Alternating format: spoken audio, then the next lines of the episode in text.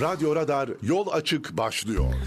Efendim hayırlı sabahlar, günaydınlar. Kar yağışının altındaki bir Kayseri'den hepinize selamlar, saygılar. Hepiniz hoş geldiniz, sefalar getirdiniz efendim.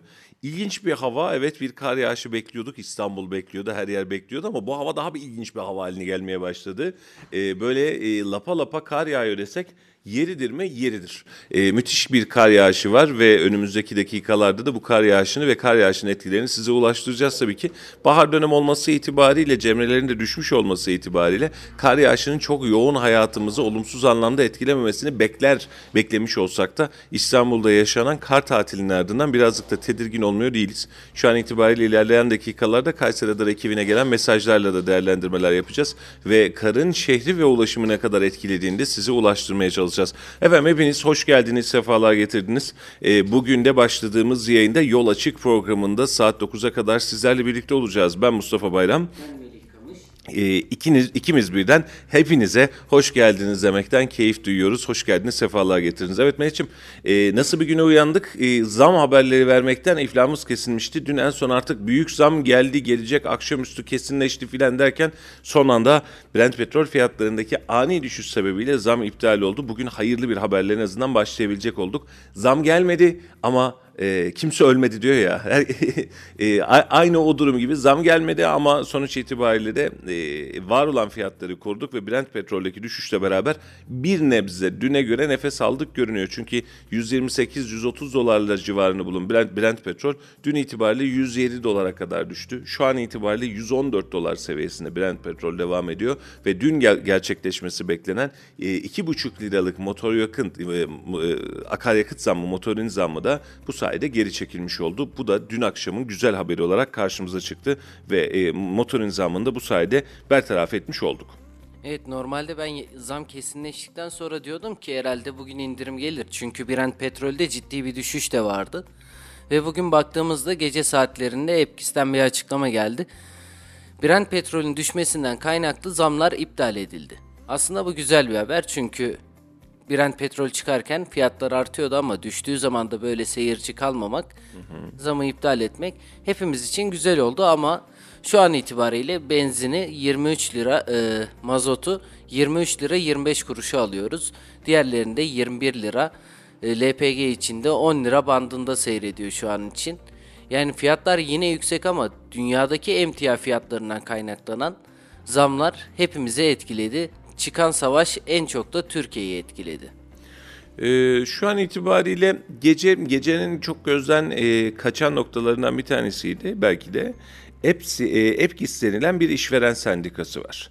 Enerji Piyasası İşverenleri Sendikası var ve bu sendika bizi bize zammı uzun zamandan beri öncesinden haber veriyor. Şöyle diyor, yeni gelen fiyatlarla alakalı şöyle bir tarifelendirme, şöyle bir matematikleştirme var ve biz bununla alakalı şu saat itibariyle şunu bildiriyoruz ki diyor mesela akşam şu kadar şu kadar şu kadar zam beklenmektedir diyor. Ve aslında akaryakıt zamlarını açıklayan da başka bir mevzuat yok. Bizim de netleşmiş zamları alabileceğimiz tek yer e, Epkis'in kendisi oluyor ama çok ilginç bir şekilde e, dün e, EPDK Başkanı Ahmet Hakan programda yani çıktığı bir programda e, EFKİS'le alakalı suç duyurusunda bulunduklarını söylüyor. Sebep e, fiyatı açıklıyor ve manipülasyona sebep oluyor diye. Çok ilginç bir tartışma orada devam ediyor. EFKİS de diyor ki bakın efendim diyor bizim sendikamızın bir başkanı var ve bu başkan atanmış değil diyor altına bastıra bastıra böyle hani atanmış değil seçilmiş bir başkandır. Bizim de yakıt fiyatları ile alakalı hesaplama tablomuz söz konusu. Bu hesaplama tablosu normal şartlarda rutin olarak geçerli ama bu tablo bugün de dahil olmak üzere 3 kez hükümet tarafından durduruldu. Ve biz sadece bu tabloyu açıklıyoruz diyor. Önümüzdeki günlerde e, e, birilerinin sesi çıkmazsa, birileri zam haberini vermezse, zam mı son dakika gece yarısı olmuş, aa zam da olmuş haberin oluyor musunuz? Gece zam gelmiş görüyor musun? Dersek de hiç de şaşırmamamız gerekiyor herhalde. Ki bu da üzücü bir durum. Yani vatandaşlar aynı şeyi biz geçen Kayseri Esnaf ve Sanatkarlar Odası Birliği'nde de gördük. Mevcut fiyat tarifesi olan kısım tamamen gitmiş.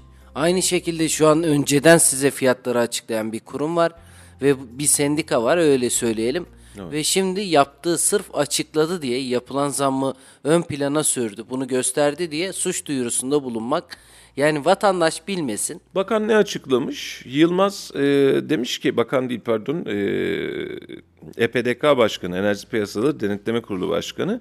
Zam yapılmadı bunu tasfiye ediyorum. Gece 24'ten sonra böyle bir zam yapılabilir. Telkininde bulunuyor, tadilinde bulunuyorlar. EPKİS denilen sendika. Zam gelecek diyor kesin bir dille. Bugün de düşüşü görünce böyle bir düzenlemeye ihtiyaç yok dediler. Biz takip ediyoruz. Zam kararı yoktu ama böyle bir beklenti vardı. Gece 22'de netleşecekti bu akaryakıt fiyatları. Ciddi bir şekilde düşüş oldu. Bazen ham petroldeki düşüş işlenmiş akaryakıtta aynı oranda düşmemiş olabiliyor.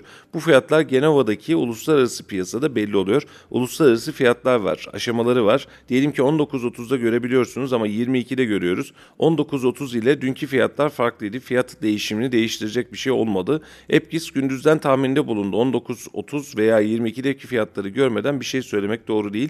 Biraz kendi reklamlarını yapmak için Epkis'in yaptığı yanlış. E, bunlarla ilgili savcılığa suç duyurusunda bulunduk. Vatandaşları akaryakıt istasyonlarına yığıyorlar diyor. Yapılan bir zam yok. Bu zamları da biz yapmıyoruz. Uluslararası bir formülü var. EPDK zam yaptı, iptal etti. Ya gerçekten e, şimdi açıklamayı akşam okuyamamıştım. Şimdi okuyorum Meriç'im. İki dinleyicilerimizle de paylaşmak e, istedim. E, Epkis de diyor ki e, bunu da hemen açıklayayım da ondan sonra e, kısacık geçeceğim. Çok vatandaşlarımızı da yormayalım. E, EPGİS bir işveren sendikasıdır. Türkiye Cumhuriyeti sınırları içerisinde faaliyet gösteren her sendika gibi. Faaliyet alanları belli ve sınırlıdır. Çok pardon. Elhamdülillah. Çok Çok, özür diliyorum. Epkis zam yapmaz, Epkis zam iptal etmez. Epkis formülü diye bir şey söz konusu değildir. Ülkemizde zam ya da indirim hesaplaması yasa ile belirlenen formülle yapılmaktadır. Bu formülde 3 defa EPDK müdahale ederek bugünkü gibi zamları iptal etmiştir. Epkis Genel Başkanı kendisinin istasyonu yok bile şeklinde söylemine sendikamızın cevabı şudur. Genel Başkanımızın istasyonu vardır kaldı ki olmayabilirdi de böyle bir zorunluluğu yoktur. Çünkü kendisi genel başkanlığa atanmış değil seçilmiş kişidir. EPDK ile Epkis arasında bu e, tartışma devam edecek gibi o birazcık kişiselleştirilmiş işi. Birilerinin zammı akşam olacak zammı önceden açıklıyor olmasının mahsurunu ben göremiyorum. Vatandaşlar benzin istasyonlarına e, yığılıyor. Peki yığılmayınca daha mı iyi olacak? Ki bir de Zam bir gelmemiş şey mi olacak? Bundan en çok yakınan kişi aslında akaryakıt istasyonlarının sahipleri. Aynen öyle. Yani işverenler yakınıyor. Onlar yani ben e, benzinlikteki çalışanlara bile gitmiş olduğun zaman diyor ki abi ölüyoruz biz diyor ya. Ya zamın geldiği gün ölüyoruz biz. Gece 12'ye kadar tüm pompalar dolu kavga, nizak, gürültü yetiş yetiştirebilirsen diyor. E, ve şu an itibariyle bakıyorsun biz bu insanlara diyoruz ki akaryakıt istasyonlarına zamlar yani neredeyse şunu diyeceğiz. Zamlar sizin yüzünüzden oluyor çıkartın stokları filan diyeceğiz. O noktaya kadar geliyoruz. Şimdi günün başlangıcından akşam böyle bir beklenti var zam olabilir deyip akşam da şu saat itibariyle gerçekleşmiştir, netleşmiştir demenin e, mahsurlu tarafını görmüyorum. Akşam iki buçuk lira zam gelecek. E, biz burada şarkısını çağıracağız sabahtan zam gelecek zam gelecek diye. Akşam e, zam gelecek. E, zam gelmesi son dakika sizin tarafınızdan iptal edecek ve vatandaş sıraya girdi diye vatandaşa kükreyeceksiniz. Sıkıntı yaşayacaksınız. Böyle bir durum var mı ya? Yani istiyorsunuz ki vatandaş tamamen gözünü kafası, e, gözünü kulağını kapatsın. Hiç kimse birbirini görmesin, bakmasın. Kim ne hali varsa görsün diyoruz. Böyle bir dünya yok. Ve hep suçluyu başka bir yerde arıyoruz ve gerçekten bu artık sinir bozucu hale geliyor. Zam gelmiş, indirim gelmiş. Bakın ne güzel açıklıyorsunuz. Bu uluslararası enerji piyasası. Bakın biz bile yayında bunu açıklıyoruz size. Diyoruz ki hani uluslararası enerji piyasası ne yazık ki yani şu an itibariyle Brent petrol ne kadarsa Brent petrolün fiyatına göre bir aksiyon alıyor. Doğru mu kardeşim? Doğru. E, çıkan tablo da bu. Yani yapacağım bir şey yok.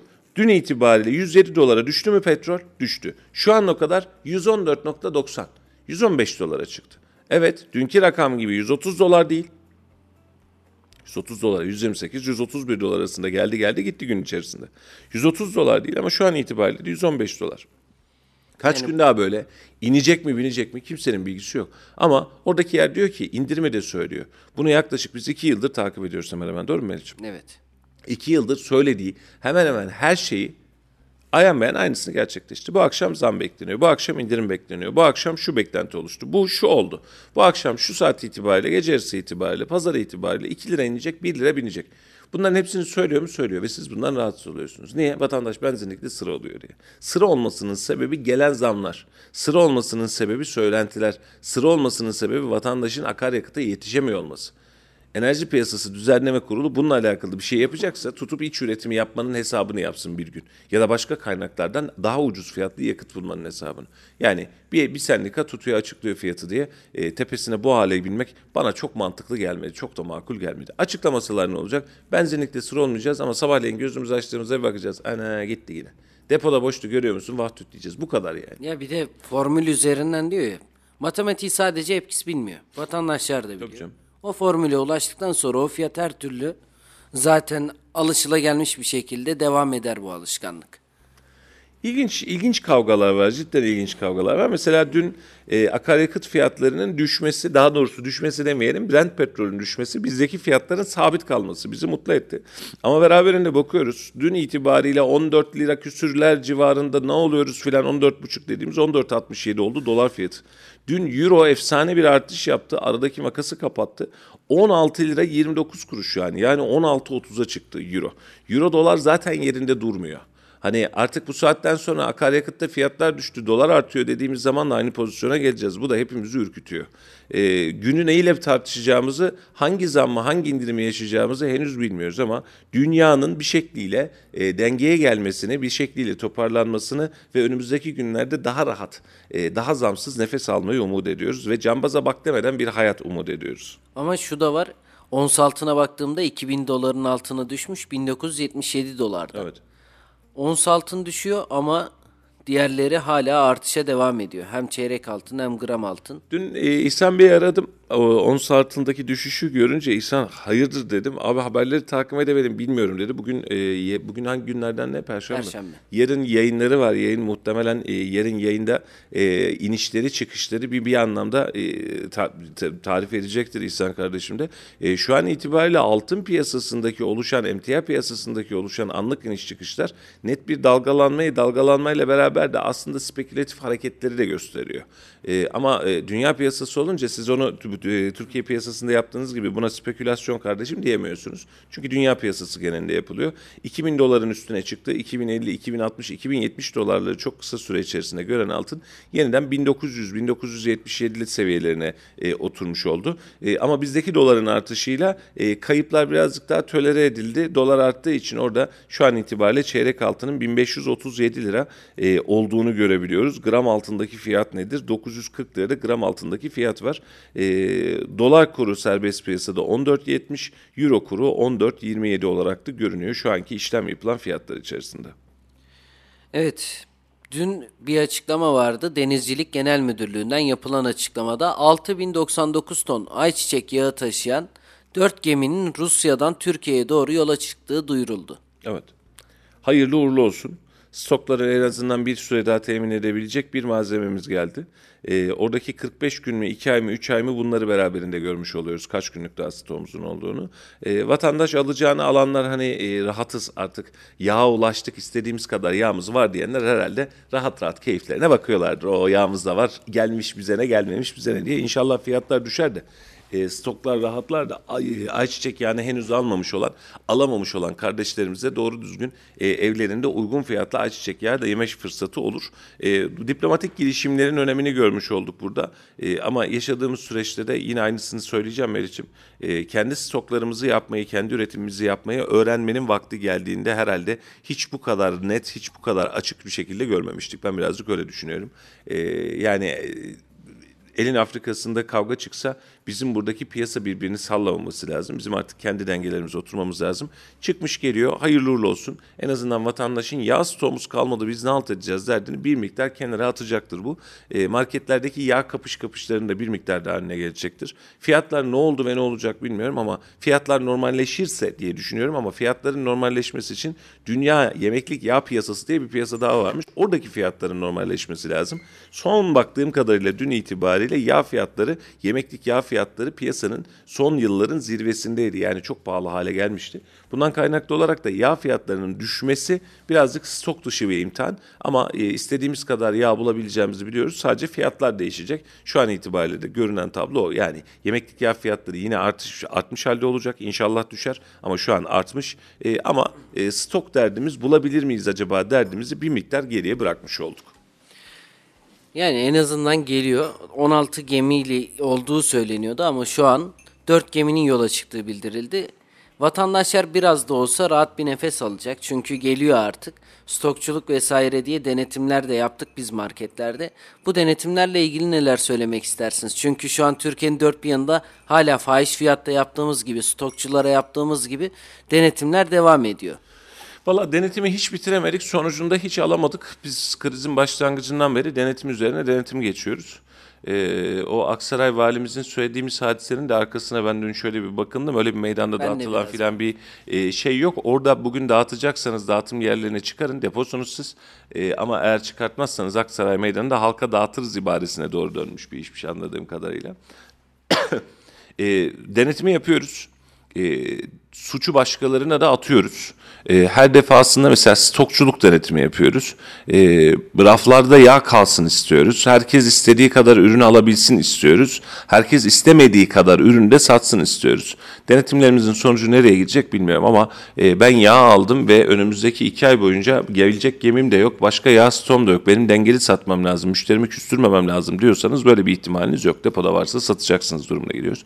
En üst perdeden bu denetimleri gerçekleştiriyoruz. Esnafın üzerindeki baskıyı hiç eksik etmiyoruz. Uzun zamandan beri. Yani memlekette her şey oluyor ama e, en büyük hadisemiz esnafın üzerindeki baskı hiç bitmedi. Marketteki bitmedi, depodaki bitmedi. Hepsi aynı durumda devam ediyor. E, bu bana kaygı veriyor. Yani sürekli e, yine söylediğim hadise cambaza bak oynamayı seviyoruz. Bir önceki yağ fiyatlarında da hatırlıyorsun değil mi? Depocular, stokçular şöyle yapacağız, böyle yapacağız. Ya biz hep yağ bulduk. Hep marketlerde yağ vardı. Fiyatı yüksekti. Şimdi de fiyatı yükseldi. Fiyatı yükselmeden önce alayım dediği için insanlar koşturdu, izdam etti. Şu an ne kadar fiyatı? 200 lira mı markette? Misal olarak veriyorum. Tamam bu fiyat yani. E var, stok da var, yağ da var. Mesele fiyat. Fiyat geçişlerinde yaşanan bir sıkıntı. Biraz önce EPDK'nın yaptığı gibi fiyat, benzin fiyatlarını açıklıyorsunuz, spekülatif hareket yapıyorsunuz diyor. Dava açıyor, soruşturma açıyor. E, akşama zam gelecek diyor, geliyor. Her seferinde de geliyor. Adam da kafasından uydurmuyor. Brent petrole göre sana çıkan bir e, rakamı çıkartıyor. Ve sen bazen durduruyorsun bunu. E ne var bunda? E kapatsın mı ağzını yani? Hani oradan zam geliyor. Sen üstündeki vergiyi almaya devam ediyorsun. Ve ondan sonra diyorsun ki bunlar açıklıyor. Hep bunun yüzünden benzinliklerde sıra oluyor. E açıklamasını herkes sabah görsün günün o zaman. Buradaki tablo da bu. Yani stokçuluk denetimi yapıyoruz. Yapalım. İlk zam geldiği dönemleri hatırlayın. Fahiş fiyatlar, enflasyonu bunlar böyle yapıyorlar. Şunu yapacağız, bunu yapacağız. Ne oldu Melih? BİM'lere, şoklara, A101'lere, Migros'lara her birine işlem yapıldı. Ne oldu ya? Dönüp bakalım bak çok uzun bir tarih değil. Fahiş Kasım fiyattan işlem yapıldı. Yani fahiş fiyat üzerinden söylediler. Soruşturma başlatıldı zincir marketlere. Sonra haksız rekabetten işlem yapıldı. Aynen. Tamam. Açıklama Peki, yapıldı. e, Kartelleşme denildi. Kestiler cezaları. Sonuç ne oldu? Hala devam ediyorlar. Bunun faturası da bize yansıdı belki de. Devam ediyorlar derken o zaman yağ fiyatları üzerinde hatırlıyor musun yine böyle bir yağ krizi muhabbeti vardı. Marketlere fahiş fiyatlar denetimler yaptık. Ne zamandı bu? Kasım ayındaydı. Sonra hatta e, Ekim-Kasım ayıydı doğru. Doları durdurabildik mi? Devam. Fiyatları geri alabildik mi? Alamadık. Asgari ücrete zam yaptık, gene alamadık. Yine fiyatlar artmaya devam etti. Bugün geliyorsun başka bir kriz var ve yine fiyatlar artmaya devam ediyor. Peki burada suçlu ya da e, hani ceza kestik ya bu işin bitmesi lazım ya bitiyor mu? Ya bitmesini geçtim. Ben bu işe şu anlamda bakıyorum. Sadece zincir marketler değil. Bizim devlet eliyle marketlerimiz var mı? Var. Var. Tarım kredi kooperatiflerimiz var.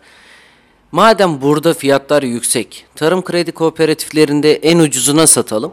Hatta Aksaray valimizin dediği gibi meydana kuralım bir tane stand. Zararına Halka satalım gerekirse. Satalım. Hadi buyurun. Nezu böyle gitmiyor. Biz her defasında ne yazık ki sana yüzde yüz katılıyorum Melih ama her defasında şunu yapıyoruz. Biz bir suçlu buluyoruz. Bu suçlu bir yerlerde ezebileceğimiz, büzebileceğimiz suçlular. Kar marjlarını minimuma indirmiş suçlular. Ve bunların üzerinden sürekli aynı algıya devam ediyoruz. Onlar yapıyor, onlar yapıyor. Onların yüzünden fahiş fiyatlar, fiyatları yükselttiler, böyle yaptılar, stokçuluk yaptılar. Ben anlamıyorum ki. Ortada stokçuluk diye bir şey yok. Stokçuluk olsa bu kadar insan yağ izdamına girmez değil mi? Stokçuluk olsa 10 kişi alır 11. kişiye kalmaz. Ya adam çıldırmış gibi zam gelecek diye 10 tane, 15 tane, 20 tane. Ya fakirsin desem fakir değilsin. Zenginsin desem ben anlamıyorum. Zenginin bu kadar dertle ne işi olur? Adam gidiyor 20 teneke yağ alıyor ya. 20 tane beşlik yağ alıyor Meri. Ne yapacağım bu ya abim? Bir de şu mevzu var. Bizim cumartesi günüydü yanlış hatırlamıyorsam. Zamın geldiği ilk gün bizim akşama kadar konuştuğumuz mevzu şuydu. Herkesin elinde iki bidon ayçiçek yağı. Herkes evine gidiyor. Akşamüstü oldu. E yağ kalmadı. Kalmaz. İzdiham yaşandı. Herkes markete gitti. Eline iki bidon aldılar. Üç bidon alan oldu.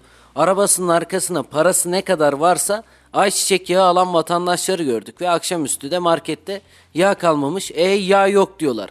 Kalmaz ki. E Nasıl evet desin? Hiçbir şey olmasa bunun tedarik zinciri var. Düşünsene ana depoda bitti, markette bitti. Ya nerede bunun bir sonraki deposu? Atıyorum bölge deposu. Misal olarak veriyorum Eskişehir'de olsun. Eskişehir'den yağ gelecek. Nasıl gelecek abi? Nasıl yetişeceğiz biz senin hızına? Ve bu insanları stokçulukla her bir markete ayrı ayrı suçladık. Şu an yana yana tüm belediyelerimiz stok kontrolü yapıyor. Var mı yok mu? Satıyor musunuz, satmıyor musunuz diye. Garip bir durum. Ve yine söylüyorum yani yapılan zam, yağ ile alakalı yapılan zam şu an bizim e, ayçiçek yağında dışarıya bağımlı olmamızdan kaynaklı yaşıyoruz. Depomuz, stoğumuz sebebiyle paylaşıyor, yaşıyoruz. Dünya genelinde yaşanan bir kriz nedeniyle yaşıyoruz. Akaryakıtta da hakeza böyle yapıyoruz. Ne yapalım şimdi? Buradaki yağ satan insanı suçlu mu ilan edelim? İnsanları ticaretten mi soğutalım? Ceza mı keselim? Lisanslı depoculara Nevşehir'de bulduk mağaralarda patates var diye yaptığı baskın yaptığımız günlere döndü. Ya o mağaraların zaten işi o depoculuk yapacaklar ve patates olacak. Doğru mu Hüseyin? Ve Tarım İl Müdürlüğü'nden sertifikaları var. Bakanlık nezdinde direkt. Aynen öyle. Ve şu an biz her şeyi başka bir yere atıyoruz. Ya fiyatları pahalandı, pahalanacak, yapacak bir şey yok. Un fiyatları hakeza öylesine. Rusya-Ukrayna krizi çözülmeden bu iş çözülmeyecek nokta. Yapılacak bir şey yok. Zorlamayalım kendimizi. Yani esnafı suçlu çıkart, vatandaşı suçlu çıkart yapılmayacak. Emtia fiyatları bu yaz dönemi itibariyle artacak. Ne zamanki barış olur, ne zamanki ikmal yolları açılır, ne zamanki bir şeyler normale biner, ne zamanki Rusya'ya yaptırımlar sona erer, Rusya'nın dünyaya yaptırdığı yaptırımlar sona erer. O zaman biz normalleşebiliriz. Ha bu süreç içerisinde balinalar diyebileceğimiz insanlar var. Her türlü bir yerlerden para kazanan. Dolar alır, ons alır, öbürünü alır, petrol ticaretine girer, yağ ticaretine girer. Bu ayrı bir hadise. Bunlar piyasa balinası. Yani risk zamanını severler ve bir gün içerisinde %20, %30 para kazanabilirler. Ama sen vatandaş olarak bu noktada değilsin ki. Şimdi herkesin dilinde bir kripto para var biliyorsun Meriç'im ama kripto para, dolar, döviz, altın buna yatırsak şuna yapsak. Abi biliyor musun? Bilmiyorum abi güzel para kazanıyorlarmış diyor. Gecebindeki 300 lirayı 500 lirayı kripto para piyasasına sokuyor. Daha sonra diyor ki abi 500'ü 1000 lira yaptım diyor. Bak güzel rakam. Şimdi düşünsene 50 bin liran olsa 100 bin lira yapacaksın. Melih 500 bin liran olsa 1 milyon lira yapacaksın. Bak çok büyük rakamlar. Hani 500 lira 1000 lira deyince küçük gibi geliyor ama orantı hep aynı. Sadece rakam değişecek. Peki ne yaptın? Abi çok güzel gidiyor ben buradan parayı kıracağım diyor. Üç gün sonrasında eve geliyor. Abi mahvoldum ben. Niye? 500 bin yapmıştım ya yaptım gaza geldim. Elde avuçta ne varsa 500 sattım. Sattığım yetmedi gittim. Bak bu kripto para bir sürü kredisi var şu an. Gittim kredi çektim. ihtiyaç kredisi diye kredi çektim. Arkadaşa da kredi çektirdim. Güzel. Hiç yani ben istesem bana bin lira veremeyecek adam bir bakıyorsun kripto parada 500 bin lira batırmış. Abi nasıl yaptın sen bunu? Abi hiç sorma. Kazanacağım dedim. Böyleyken böyle yaptım. E, e kârda zararın ortağı. Sen ilk zarar ettiğinde boynunu bükünce cart diye kalıyorsun işin içerisinde. Ve bu iş sana sürekli kar verecek bir iş değil. Bedava peynir fare kapanında bulunur. Sen bedavaya aramak için, bedavayı bulmak için kripto para, kripto para, kripto para üzerine giriyorsun. Benden iyi biliyor valla blockchain teknolojisini. Ben gerçekten o kadar anlamıyorum. Ben ağzım ayrık kalıyor yani. Bizim bildiğimiz işte Bitcoin var, Ethereum var vesaire var. Hani sürekli duyduğumuz rutinler var. Dogecoin var. Abi ne kadar fazla coin varmış. Ne kadar fazla marka var. Binlerce. Belki de milyonlarca. Bunlar ne? Karşılığı var mı? Yok. Bilgisayarların grafik kartlarının oluşturmuş olduğu işlemler, oluşturmuş olduğu grafikler. Peki neye güvendin? Abi artacak. Öyle diyorlar. Bir abi var bundan alıyormuş. İşte diyorlar bizim en çok başımızı yakan da bu. Yani nerede olursa olsun ya şöyle olacakmış, böyle olacakmış. Ya Rusya savaşının tam ortasında mısın? Yani savaşın gidişatını mı biliyorsun? Yok. Oturduğun yerden, evden. Tamam diyor ya artacakmış bu. Şimdi yıllardır piyasadayız Meriç'im. Ee, genç arkadaşlar varsa bizi dinleyen onların kulağını küpe olsun. Geçtiğimiz yıllarda da bol bol yaşandı. Yıllara sahip bu hep yaşanır. Şimdi biri geliyor sana. ee, bak formül şu bedava peynir fare kapanında bulunur. Bunu unutmayın. Bedava biri size kazançtan bahsediyorsa buradan kaçın. Diyor ki ya şurada şöyle şöyle bir iş var para olsa aslında ne kadar lazım abi diyorsun. İşte ya 10 bin lira olsa diyor önümüzdeki ay diyor 12 bin lira olur bu iş diyor. 13 bin lira olur diyor. Allah Allah 10 bin liraya 13 bin lira 15 bin lira güzel para %30'lar %40'lar kim kime veriyor abi? Adam şunu akıl etmiyor ya sen niye girmiyorsun o zaman bu işe akıl etmiyor. Ha ona da cevap hazır zaten ya kardeşim benim kredim vardı vesaire de vardı böyle evet evet. Bu rakamları milyon düzeyinde düşün. Adam geliyor senden 20 bin lira alıyor. Önümüzdeki ay sana 2 bin lira veriyor. Bir sonraki ay 2 bin lira daha veriyor. Sen diyorsun ki ben kazanıyorum ya. 2000, 2000, 2000 geliyor ana parayı çıkartacağım neredeyse. Hatta diyorsun ki ana paramı ver diyorsun. Buyur kardeşim ana paran diyor. Teşekkür ederiz diyor. Sen buna da halet ediyorsun. Ana paramı istiyorum onu da alıyorum. Şimdi hem 10 bin lira hem 4 bin lira ben para kazandım. Ama insanoğlunun aç gözlü tarafını dolandırıcılar çok çok iyi biliyor. Sen şimdi 10 bin liranı 14 bin lira yaptın ya bir ayda iki ayda Meriç'im. Sen diyorsun ki ya bu güzelmiş. Hüseyin böyle böyle bir iş var bu işe girelim mi abi lan nasıl? Abi böyleyken böyle 10 bin liram vardı 14 bin liram oldu. Bak para da burada. Aldım da tıkır tıkır. Adamda hiç sıkıntı yok. Çok güvenilir. Kendine kefil olmadığı kadar adama da kefil oluyor. Hüseyin'i alıyor, Ahmet'i alıyor, beni alıyor, seni alıyor. Bir bakıyorsun adama verdiğin 10 bin lira yerine 500 bin lira vermişim bu sefer.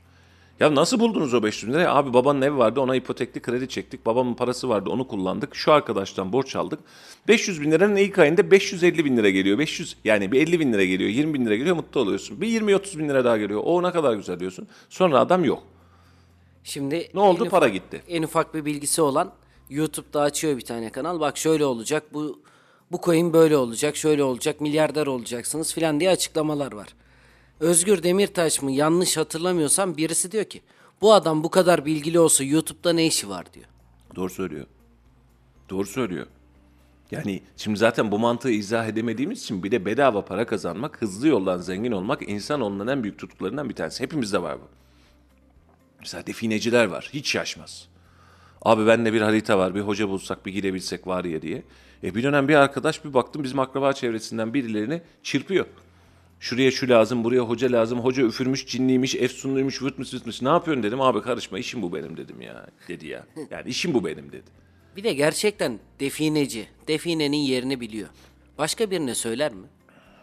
define haritası satıp da e, parasız kalmak gibi bir şey benim kendi eski reklam sektöründen geldiğim iş için bunu söylerdim. Bunun için biz bedavalar, yatırımlar, anlık kaygılar, anlık e, coşkular içerisinde biz bunlarda da ciddi kayıplar veriyoruz. Birileri kazanmış gibi gösteriyoruz ama e, unutmayın bunu herkes için söylüyorum. Bedava hiçbir şey yok dünyada. Emek olmadan yemek olmadan. Aynen öyle. Yani bedavadan şu olsun, bedavadan bu olsun. Paramızı buraya yatıralım. Buradan buraya çekelim. Geçici zenginlikler yaşıyorsunuz. Geçici hasretler çekiyorsunuz. Bak ne kadar güzelmiş diyorsunuz. Sonra bir bakıyorsun hepsinin hali tosuncuğun haline dönmüş oluyor. Yapmayalım.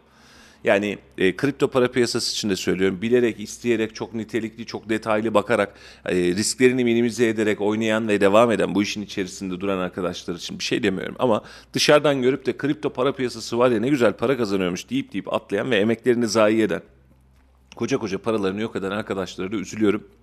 Her gün farklı yerlerden, ülkenin farklı yerlerinden, dünyanın farklı yerlerinden haber geliyor. Paramı batırdım, intihar ettim, paramı batırdım, bu hale geldim diye.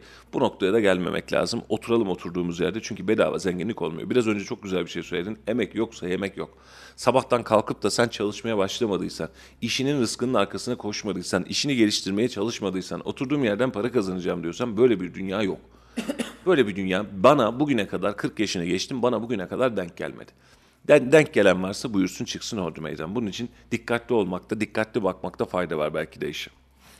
Evet, Türkiye gündeminden devam edelim. Dün İsrail Cumhurbaşkanı Herzog Türkiye'ye geldi ve gelişiyle beraber burada gelişmeler yaşanıyor. 2008 yılından beri 14 yıl sonra İsrail anlamında ülkemize gelen en yetkili kişi olarak tarihe de geçmiş oldu. Evet. Ve gelirken uçağındaki semboller, barış, işbirliği gibi semboller de yer aldı. Yazılar vardı uçağında. Geldikten sonra resmi törenle karşılandı. Dün de bir basın açıklaması yaptılar. Burada sıcak karşılama için Cumhurbaşkanı Erdoğan'a minnettarım ve ikili ilişkilerin hem Türkiye hem İsrail anlamında ikili ilişkilerin geliştirileceği yönünde açıklamalar vardı.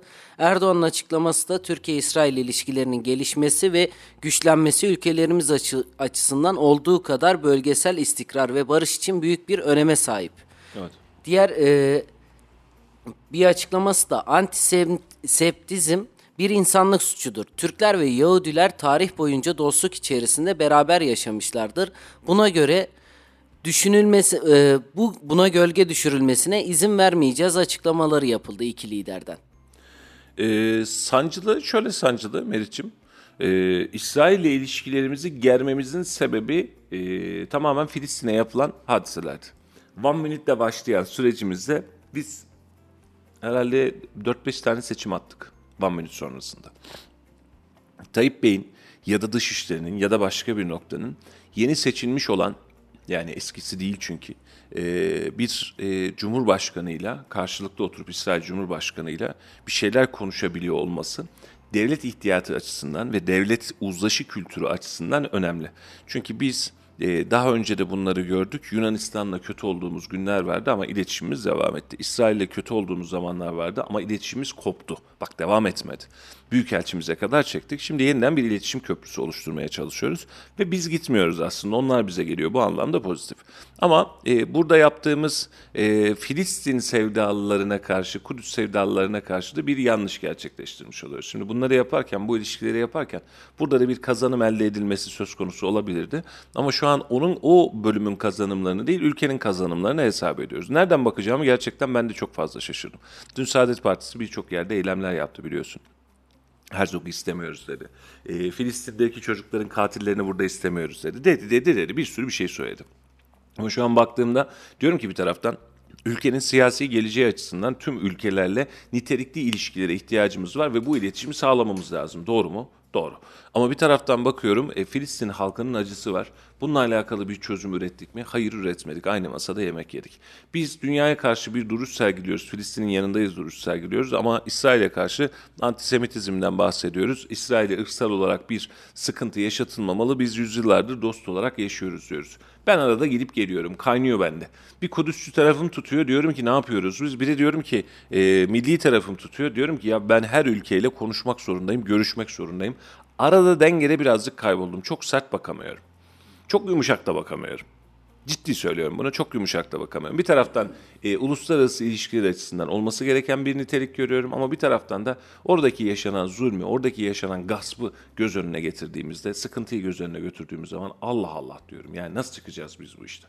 Bu Filistin konusunda da ben normal şartlarda öyleyim. Mesela e, Filistin konusunda hassasiyetimiz bir var. E, oradaki e, mazlumların duruşuyla alakalı, oradaki mabedin korunmasıyla alakalı bir hassasiyetimiz var. Ve bir taraftan da e, Osmanlı'yı o topraklarda barındırmayan, Lavrens'in arkasından koşan trenimiz hala orada yatar. E, bir Arap kültürü var. Anlatabiliyor muyum? Yani neye nereden bakacağımı orası konusunda, neye nereden bakacağım konusunda gerçekten çok ciddi zorlanıyorum. Beni affetsin dinleyicilerimiz. E, bu anlamda çok net bir fikre, çok net bir duruşa sahip değilim. Her defasında araştırıp, inceleyip, altın üstüne çevirip bir kez daha bakıyorum. Bizim yaptıklarımızı, o bölgeyle alakalı bizim yaptıklarımıza bakıyorum. Bölgenin bize kazandırdıklarına ve kaybettirdiklerine bakıyorum. Arada çaresiz kalıyorum. Yani mesela İsrail Devleti kurulduğunda ilk tanıyanlardan biri biziz. İlk tanıyanlardan biri biziz. Arap dünyası Müslüman coğrafyası içerisindeki ilk tanınma yani onu resmileştiren, legalleştiren ilk format bize ait. Peki bunu niçin yaptık? Amerika yakınlığını oluşturmak için yaptık. Bağdat Paktı ile yaptık. Oradaki birlikteliği korumak ve hatta Büyük Orta Doğu Projesi'nin bir başka niteliğiydi Bağdat Paktı'da. E, ve biz orada olmak için yaptık. Arap dünyası bize sırt döndü. Arap dünyası bize küstü. Müslüman coğrafya bize küstü. E, bu bahsettiğimiz ne zamanlar? 1950'ler civarı, 1960'lar civarı. Aynen öyle. Yani tarihleri tam hatırlamıyorum üzgünüm. E şimdi daha öncesine bakıyorsun. Cumhuriyet tarihine bakıyorsun. Cumhuriyet tarihinin hemen öncesinde Birinci Dünya Savaşı sırasında e, biz Araplardan kazık yedik. Bizim var olduğumuz hükümranlık sürdüğümüz, beraberinde e, coşkuyla yatırım yaptığımız, baktığımız, birleştirdiğimiz insanlar İngiliz'in, Fransız'ın e, e, elinde, oyuncak oldu, İtalya'nın elinde oyuncak oldu ve bize karşı baş kaldırdı. Baş kaldırdığı yetmedi, ordumuzu sırtından vurdu. E, bizi orada yok etmeye çalıştı. Biz ağır darbeler aldık. E, şimdi aradaki fark 50 yıl 60 yıl. Neresinden bakacağımla alakalı yine söylüyorum. Hani e, doluya koyuyorum olmuyor, boşa koyuyorum olmuyor. Bunu uzman birkaç tarihçiyle belki istişare edip güvenebileceğimiz insanlarla konuşabilmek lazım. Ama ben de İsrail ilişkileri, Filistin ilişkileri, Arap dünyası ile ilişkiler ben de hep bir gel git. Hep bir gel git. Özellikle bahsetmiş olduğumuz bu coğrafya benim için tam bir çamur deryası. Ee, çok nitelikli bakamıyorum ve çok da güvenemiyorum. Beraberinde İsrail'e güvenmeli miyim? Şu an dünya konjektüründe belki de en az güveneceğim ülkelerden bir tanesi İsrail. Ama ilişki kurmak zorunda mıyım? Evet kurmak da zorundayım. Yani ben bir ülkeysem İsrail'le de ilişki kurmam gerekiyor. Garip kuraba bir muamma var bende. E, aklımdakini söyleyeyim içimde kalmasın ama net bir fikrim var mı abi dersem? Şu şöyle midir dersem bende yok. Yani ne Filistin tarafında olabiliyorum, mazlumiyeti sebebiyle oluyorum. Geçmişi sebebiyle mi acaba diyorum, ne diğer tarafta olabiliyorum. Arada derede kalıyorum. Evet, bu da böyleydi. Ama bugün de yani politikasal olarak baktığımızda bugün Türkiye Dışişleri Bakanı, Türkiye Cumhuriyeti Dışişleri Bakanı Mevlüt Çavuşoğlu geçtiğimiz günlerde hem Rusya'nın Dışişleri Bakanı'nı hem de Ukrayna'nın Dışişleri Bakanı'nı Antalya'da ağırlama konusunda bir mutabakat sağlamıştı. Bugün de bizim Dışişleri Bakanımızın olması hasebiyle biraz daha öneme sahip. Çünkü iki ülkenin arasındaki akan savaşın durdurulması yönelik çalışmalar başlatıldı. Bugün de iki, üç tane Dışişleri Bakanı oturacaklar, konuşacaklar. Bugün belki de bir sonuç çıkacak bilmiyoruz ama güzel sonuçların çıkması hem dünya için hem de Türkiye için önemli olacak. İnşallah diyelim güzel sonuçlara, güzel haberlerin her birini ayrı ayrı bekliyoruz. Ee, özellikle Rusya-Ukrayna konusundaki yaşanabilecek mücadelenin sıfıra inmesi, bir uzlaşının olması ve dünyayı tatmin eden bir uzlaşının olması hepimizin gerçekten en büyük ihtiyaçlarından bir tanesi. Çünkü ciddi anlamda sancılanıyoruz. Ne olacak, ne olacak, ne olacak sancısını ciddi anlamda yaşıyoruz. Ee, ben bitebileceğini hızlı zamanda çünkü Putin'in bu anlamdaki duruşu çok net. Askeri olarak ya da diplomatik olarak ben istediğim olacağım diyor. Amerika bunu verir mi ya da Avrupa Birliği bunu verir mi gerçekten bilmiyorum ama şunu görüyorum. E, arada kaynayan sadece ve sadece Ukrayna ve Ukrayna halkı oldu. Zelenski oldu. E, Zelenski gaza geldi diyenler var. Zelenski böyle yaptı diyenler var. Ama ülkelerin stratejik durumlarında ekonomik durumları, askeri durumları, tarihsel durumları önem kazanır. Eğer e, varlığınızın derinliği çok fazla yüksek değilse dünya tarihi içerisinde çok yüksek yerlere falan gelemezsiniz ya da tutunamazsınız. Ama e, ırksal olarak bir bütünlüğünüz varsa, bir geçmişiniz varsa, tarih geçmişiniz varsa otomatik olarak bir nüfus yoğunluğunuz, bir kültürünüz, bir askeri kültürünüz oluşur ve daha hızlı hareket edersiniz. Ukrayna'ya bakmış olduğunuz zaman kendi içlerinde bir ırk olmaktan daha çok Rusya'ya ait bir ırk olarak göründükleri aşikar. Zaten Rusya'nın en büyük telaşlarından bir tanesi. Ora benim zaten diyor. Hani siz niye ara büyüdüğünüzde bu hale geldiniz? Ora zaten benim diyor. Ukrayna'da bu kadar kısa tarihli tarihine rağmen ben buradayım. Hayır, hayırdır ne oluyor? Bak benim de aslında kendime ait bir ülkem var diyor. Bunun çekişmesi var. Bir taraf Amerikancı, bir taraf Rusçu. Bizim 80 dönemlerinde ve öncesinde yaşadığımız komünist rejim mi, kapitalist rejim mi arasında, gel Amerikancı mı, Rusçu mu arasında gelip giden bir diyalog ve pimpon e, e, mesaisi var. E, ama gördüğümüz tabloda Rusya çatır çatır e, çatışmaya çalışırken ve tepesinde uçaklar bombalar yürümeye çalışırken dünyanın hiçbir yerinden Rusya'ya e, biz de askeri olarak yanınızdayız mesajı gelmiyor. Sadece ekonomik yaptırımlarla geliyor. İşte yaptırımlara bakın hani çok güzel yaptırımlar var içinde. Güzel derken yani hakikaten bu Rusya'yı sıkıştırır diyebileceğiniz yaptırımlar var. Bir taraftan da şaka gibi Durex Rusya piyasasından çıkacak. Coca-Cola Rusya piyasasından çıkacak gibi saçma sapan işlerimiz var. İyilik mi yapıyorlar, kötülük mü yapıyorlar onu da çok fazla bilmek mümkün değil. Ama Rusya çok kenara sıkışmışa benzemiyor. Başına gelen tüm verilere rağmen elindeki doğal gaz verisi, petrol verisinin rahatlığı yani ürettiği emtianın rahatlığı, e, Çin'le olan ilişkisi, Türkiye ile olan ilişkisi, İran'la olan kurmuş olduğu hukuk neticesinde e, Rusya e, belini bükmeden ve kafası dik bir şekilde mücadeleye devam ediyor ve çok ısrarlı ve çok kararlı görünüyor. Yani eninde sonunda az zayiatla çok zayiatla Ukrayna'da istediğini yapacak ya da en azından kontrolü ele, ele alacak gibi görünüyor. Ve Amerika'nın, Almanya'nın, İngiltere'nin buna karşı yapabileceği şeyler de çok sınırlı duruyor. Yani şu an Rusya aslında masaya 1-0 değil bence 5-0 önde oturuyor. Çünkü askeri olarak alanda ve ben buradayım dedi. Sadece operasyon uzun sürüyor. Tahmin edilenden yani biz herhalde 3-5 gün içerisinde Ukrayna'nın tamamını alacak diye düşünüyorduk. Sonra direniş başladı biraz değişti. Ee, Rusya ya istediğini alacak ya da istediği zaten bu. Yani istediği zaten bu işi bu tablo haline getirebilmek. Dostu düşmanı görmek, ticari ilişkileri geliştirmek, depo yapmak, stok yap ya da başka bir şey. Ama e, şu an itibariyle Amerika'nın Rusya'ya karşı tutumuna bakmış olduğunuz zaman, dünya genelinde tutumuna bakmış olduğunuz zaman e, onu kendi içerisinde yalnız bırakmak adına bir mücadele var. E, ama yalnızlık bu kadar büyük bir coğrafyanın içerisinde mümkün değil. Yani Yunanistan'daki e, bir adayı yalnız bırakmak dahi çok zorken siz tutup da e, böyle bir alanda e, böyle bir işi yapabileceğinizi düşünebiliyorsanız bu da e, bence ayrı bir sorun teşkil ediyor. Bugünkü dışişleri görüşmeleri daha sonrasında Cumhurbaşkanlıkları düzeyinde belki de görüşmeler olacak. Yeniden istişareler olacak. Ama ben bu krizin hemen bitmeyeceğini, bitse de sancısının hemen bitmeyeceğini düşünenlerdenim. Yani bugünkü konuşmadan dahi tamam biz e, ateşkes imzaladık, her şeyi karşı, karşılıklı olarak anlaştık deseler bile dünyada oluşturduğu e, girdabın etkisinin ben uzun süren süreceğini ve başka girdaplarla, küçük ve büyük başka girdapları da tetikleyeceğini düşünenlerdenim. İyi ya da kötü bu görüşmeden nasıl bir sonuç çıkabilir yani sizin tahmininize göre? Valla bu görüşmeden sadece prensipsel sonuçlar çıkacak. Türkiye'deki yaşanacak görüşmelerin aslında tablosu o dışişleri görüşmesi prensipsel sonuçlar çıkacak. Ee, aslında mesela o insani koridor, ateşkes, e, ateşkesin mümkün olması, gıda ikmal hatlarının yapılması, sivillerinin daha az can kaybolması gibi daha pozitif mesajlar verecek. Ama Ukrayna'da biz tamam tüm bunlara karşı sizi kabul ediyoruz demeyecek. Hadi Ukrayna dedi ki Zelenski dedi ki ben kabul ediyorum ne diyorsan tamam ben de buradayım dedi. E bırakacaksın orayı yani e, bir rejim değişikliğinden bir uydu ülkeden bahsediliyor. Bunun için e, şu an görüşmenin Rusya açısından e, taraflılığı çok fazla yok. Rusya istediğini almak derdinde. Bunun içerisinde sana sadece karnına doyurabilecek kadar yemek verebilir en fazla. Yani Rusya bunun dışında yani bu kadar risk aldıktan sonra bu kadar yaptırım aldıktan sonra ya neyse ben de birazcık geri çekileyim falan demez. Rusya istediğini almak zorunda. Görüşmelerin sonucundan ne bekliyorsun? Hiçbir şey. Yani ya Rusya'nın şartlarını kabul edeceksin ya da kabul edeceksin. Rusya'nın şu an stratejisi bu. Varsanız varım diyor. Yoksanız ben hala ya masada ya da askeri olarak ben işime bakacağım diyor. İşimi istediğimi alacağım diyor. Şu an Rusya'nın tablosu bu. Değiştirilebilecek bir formül var mı? Zannetmiyorum. Yani şu an Tayyip Bey de girse pazarlığın içerisinde bazı New York Times falan öyle yazmış. E, Tayyip Bey de girse Rusya istediğini almadan bu işin içerisinden çıkmayacak. Görünen tablo bu. Rusya'nın istediğini verirse de bundan sonra Avrupa Birliği o Avrupa Birliği olmayacak. Ya da Amerika o Amerika olmayacak. Façası çizilmiş bir Amerika ve Avrupa Birliği olacak ve elinde tutunabilecek bir dalı da kalmayacak. Avrupa Birliği'ne girmek isteyen ülkelerde diyecek ki biz size girmesek de olur mu? Siz bizi yalnız bırakıyormuşsunuz zaten diyecek. Doğru mu?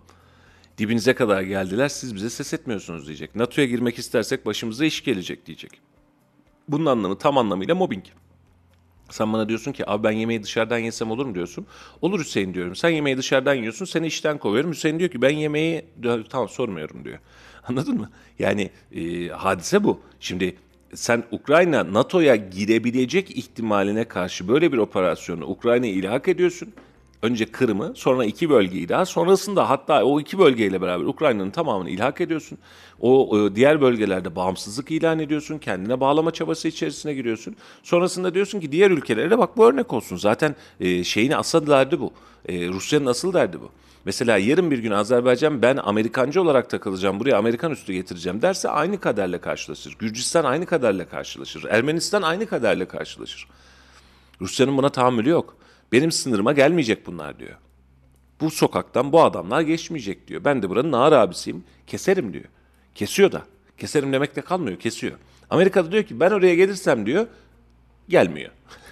yani ben ona dokunursam var ya diyor e diyor dokunuyor e, bakarız diyor. Ben sana e, şey göndermem, kola göndermem filan diyor. E, yani iş buna doğru dönmeye başladı. Tam ekonomik yaptırımları var işte ticareti dolarla yapma, rubleyle yapma, dolar gönderme, Swift sisteminden çıkarma çok ağır. Bak ciddi söylüyorum çok ağır. Allah göstermesin Türkiye'nin başından geçse biz ekonomik olarak iptaliz zaten. Yani esenimiz okunmaz. Rusya'da savaş oldu diye en çok paramız e, bizim değer kazandı yani kaybetti. Anladın mı? Hani biz zaten çok etkilenen milletiz. Şu an öyle bir ekonomik gücümüz falan da yok. Ama Rusya tüm bu, bu işlere rağmen mukavemet kapsamında bir duruş sergileyebiliyor. İçeride ve dışarıda. Ve sergilemeye de devam edeceği için senin yaptırımların bir kulağından giriyor bir kulağından çıkıyor. Rusya çok da sallamadı işi. Yani en azından e, kapalı bir sistem olduğu için Rusya içeriden bilemiyoruz belki ama dışarıdan görünen tablo bu gibi görünüyor Melih. Evet kısa bir reklam arası verelim. Yayınımıza biz de Verelim hay hay. Bu Çok- kar yağışının altında kısa bir reklam. Ardından birazcık da yol durumuna da bakalım Melih için. Birazcık yol bilgisi de verin. Efendim e, minnak bir reklam arası var. Ardından yeniden buradayız. Bir yerlere ayrılmayın. Evet efendim. 91.8 Radyo Radar'dan hepinize günaydın tekrardan. Programımızın ikinci yarısına devam ediyoruz.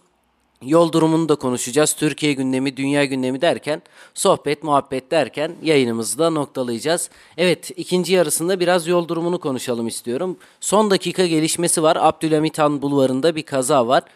Bu bölgede olan sürücülerimizin lütfen dikkatli olması konusunda uyarıda bulunalım. Aynı zamanda Mimar Sinan OSB yönünden Malatya yoluna gidiyorsanız şu an için Mimar Sinan OSB'nin rampasında trafik durmuş durumda. Bu bölgeye giden sürücülerimizin de dikkatine. Aynı şekilde Malatya yolundan Pınarbaşı Tomarza istikametine gidiyorsanız da yoğun kar yağışı var efendim. Bu bölgede dikkatli olmanız konusunda uyarıda bulunalım. Kar yağışı özellikle bizim genel yollarımızı da etkileyecek görünüyor. Şu an lapa lapa da yağıyor bir taraftan. Sürücülerimiz dikkatli olsunlar. Ee, henüz bir buzlanma söz konusu değil ama şu an e, Erciyes'ten haber var mı arkadaşlar gelen? Erciyes'ten bir Erciyes'ten bir bakalım onları da kontrol edelim. E, vatandaşlarımız dikkatli olsunlar. Özellikle Pınarbaşı, Malatya, e, Kırşehir, Ankara yolu vesaire gibi alanlarda trafik durmasa da yoğun kar yağışı sizi etkileyecek. E, şu an İstanbul çok yoğun bir tatile söz konusu yaptığı için yani özel sektör dahil bir tatil oluşturduğu için şehirde kriz oluşmaması adına biz de e, fazlasıyla bir kar yağışı beklentisi içerisine girdik. Birazcık İstanbul'dan örnek aldık zannedersem. İşin açıkçası ben birazcık e, bu kadarını beklemiyordum durumundaydım ama şu an e, görünen kar yağışı bizi etkileyecek gibi görünüyor. Bugün itibariyle bir okullarda tatil söz konusu değil. E, vatandaşlarımız beklenti halinde sormaya devam etmişler ama yani yok. Yani şu an itibariyle görünen bir tatil yok.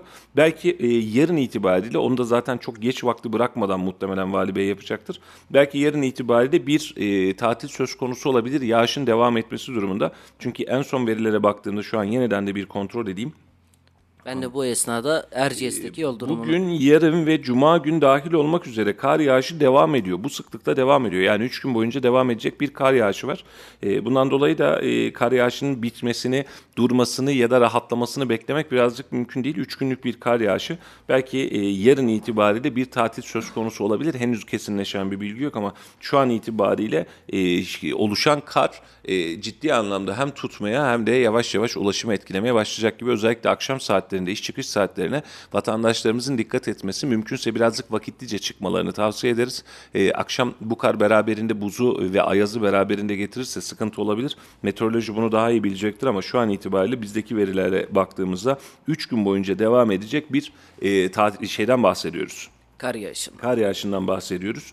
E, sıkıntı yaşamayalım derim. Erciyes'teki yol durumu da şu an için e, kapanmamış ama yollar beyaza bürünmüş durumda.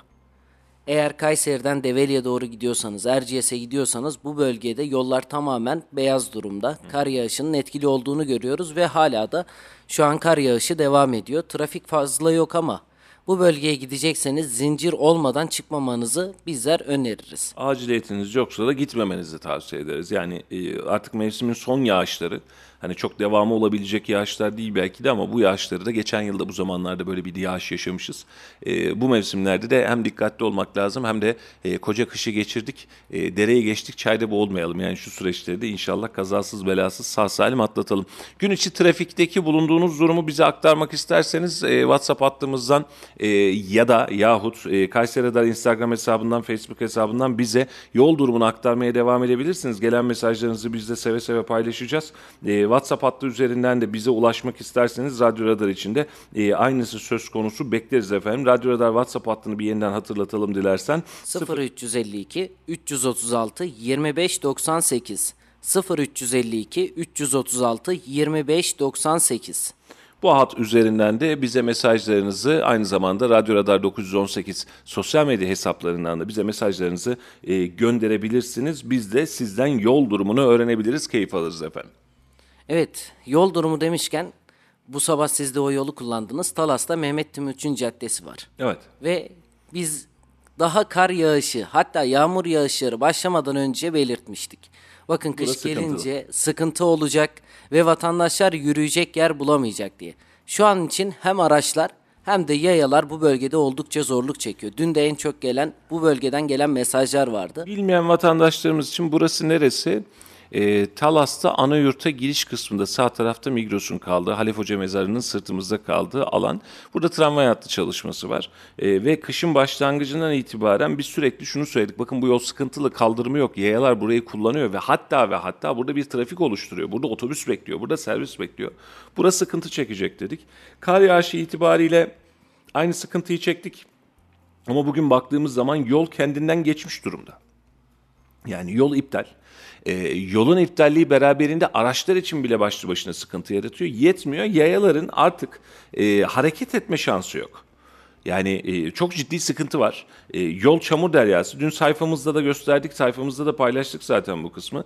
E, ve daha öncesinde de uyarmamıza rağmen, söylememize rağmen burasıyla alakalı net bir tedbir alınmadı. Ve her yağışın sonrasında, kar sonrasında, yağmur sonrasında burası bildiğiniz yani köy yolu yanında çok daha nazlı kalıyor. Yani çok daha güzel kalıyor. Çukur, berbat, kaldırım var. insanlar kullanıyor, araçlar kullanıyor. Kullanmak zorunda. Başka alternatifi de yok. Yani oraya ulaşabileceğim yol alternatifi burası. Tamam bir tramvay çalışması var. Bunu anlayabiliyoruz ama burada tedbir alınması gerekiyordu. Kimin alanına giriyor bilmiyorum. Büyükşehir'in alanına giriyor. Talas Belediyesi'nin alanına giriyor. Bu yol bilmiyorum. Ama bu yol şu an mezbele ve sıkıntı. Ve bugün itibariyle baktığınız zaman efendim yağışlar toparlasın biz orayı yapacağız diyorsunuz biliyorum. Ama daha yağışlar başlamadan kar kış gelmeden dahi biz burayla alakalı uyarılarda bulunduk. Bakın burada sıkıntı yaşayacağız diye. Ve sıkıntıyı yaşıyoruz şu an. Vatandaşı yaptığınız eziyet reva mı? Kimse sorumlusu. Valla benim için hiç problem değil. Kimse sorumlusu. Ona çok net soruyorum. Vatandaşa yaptığınız bu eziyet reva mı? Gerek var mıydı? Bunu görmeyecek kadar planlamadan yoksun musunuz? Bunu görmeyecek, bu yaşanabilecek problemi görmeyecek kadar aman canım boş verici misiniz? Orada binlerce insan o yolu kullanıyor. Ve siz hakka hizmet için, halka hizmet için çalışıyorsunuz. Doğru mu? Vatandaşın rahatı için çalışıyoruz. Başka bir derdimiz yok. Vatandaşın rahatı da pamuklarda filan sarıp sarmalayalım filan demiyorum. Ama buradaki yolun e, kış dönemi için ben geliyorum dediği belliydi ve burası için hiçbir tedbir alınmadı. E, tramvay inşaatı bitene kadar yol bu haliyle mi be- bekleyecek? Ya nasıl bir yol diye merak eden takipçilerimiz, dinleyicilerimiz varsa dün akşam Kayseri Radar sosyal medya hesabımızda biz paylaştık. Evet. Bu bölgede vatandaşı görüyoruz şu an. Otobüs durağında bekliyor ama tek sıra halinde. Diğer yönden geçmeye çalışan vatandaşlar var. Suya nasıl acaba değmeden geçerim diye. Böyle bir şansı yok ya. Survivor parkuru gibi. Yani resmen. bildiğin keçi patikası kadar kenarda bir yer kalmış vatandaşın yürüyebileceği Meriç'im. Sabah gelirken özellikle baktım. E, yol zaten çukurdan geçilmiyor. Araçların geçme şansı çok zor. Su var. Kar var şimdi beraberinde. Göletlemeler oluşuyor. Şimdi e, şu kar yağışı biter bitmez oraya bir yol çalışması hemen hızlı bir de derleme toparlama falan yapılacak. E sonra bugün yaşadan vatandaşın yaşadığı mağduriyeti nasıl giderebileceksiniz? Var mı buna bir çözümünüz? Yok. Ne yapacağız? Tahta sal mı atacağız vatandaş yürüsün diye. Tamam tramvay inşaatı yapıyorsunuz. Elinize kolunuza sağlık, emeklerinize sağlık ama vatandaşı lütfen mağdur etmeyin. Ve bu mağduriyeti oluşturmamanız için herhalde biz bu alanı kar yağışı, yağmur yağışı öncesi ve sonrası dahil olmak üzere hiç konuşmadıysak 10 kez konuştuk herhalde. E siz de dinlediniz, siz de bu hadiseyi çok net biliyorsunuz.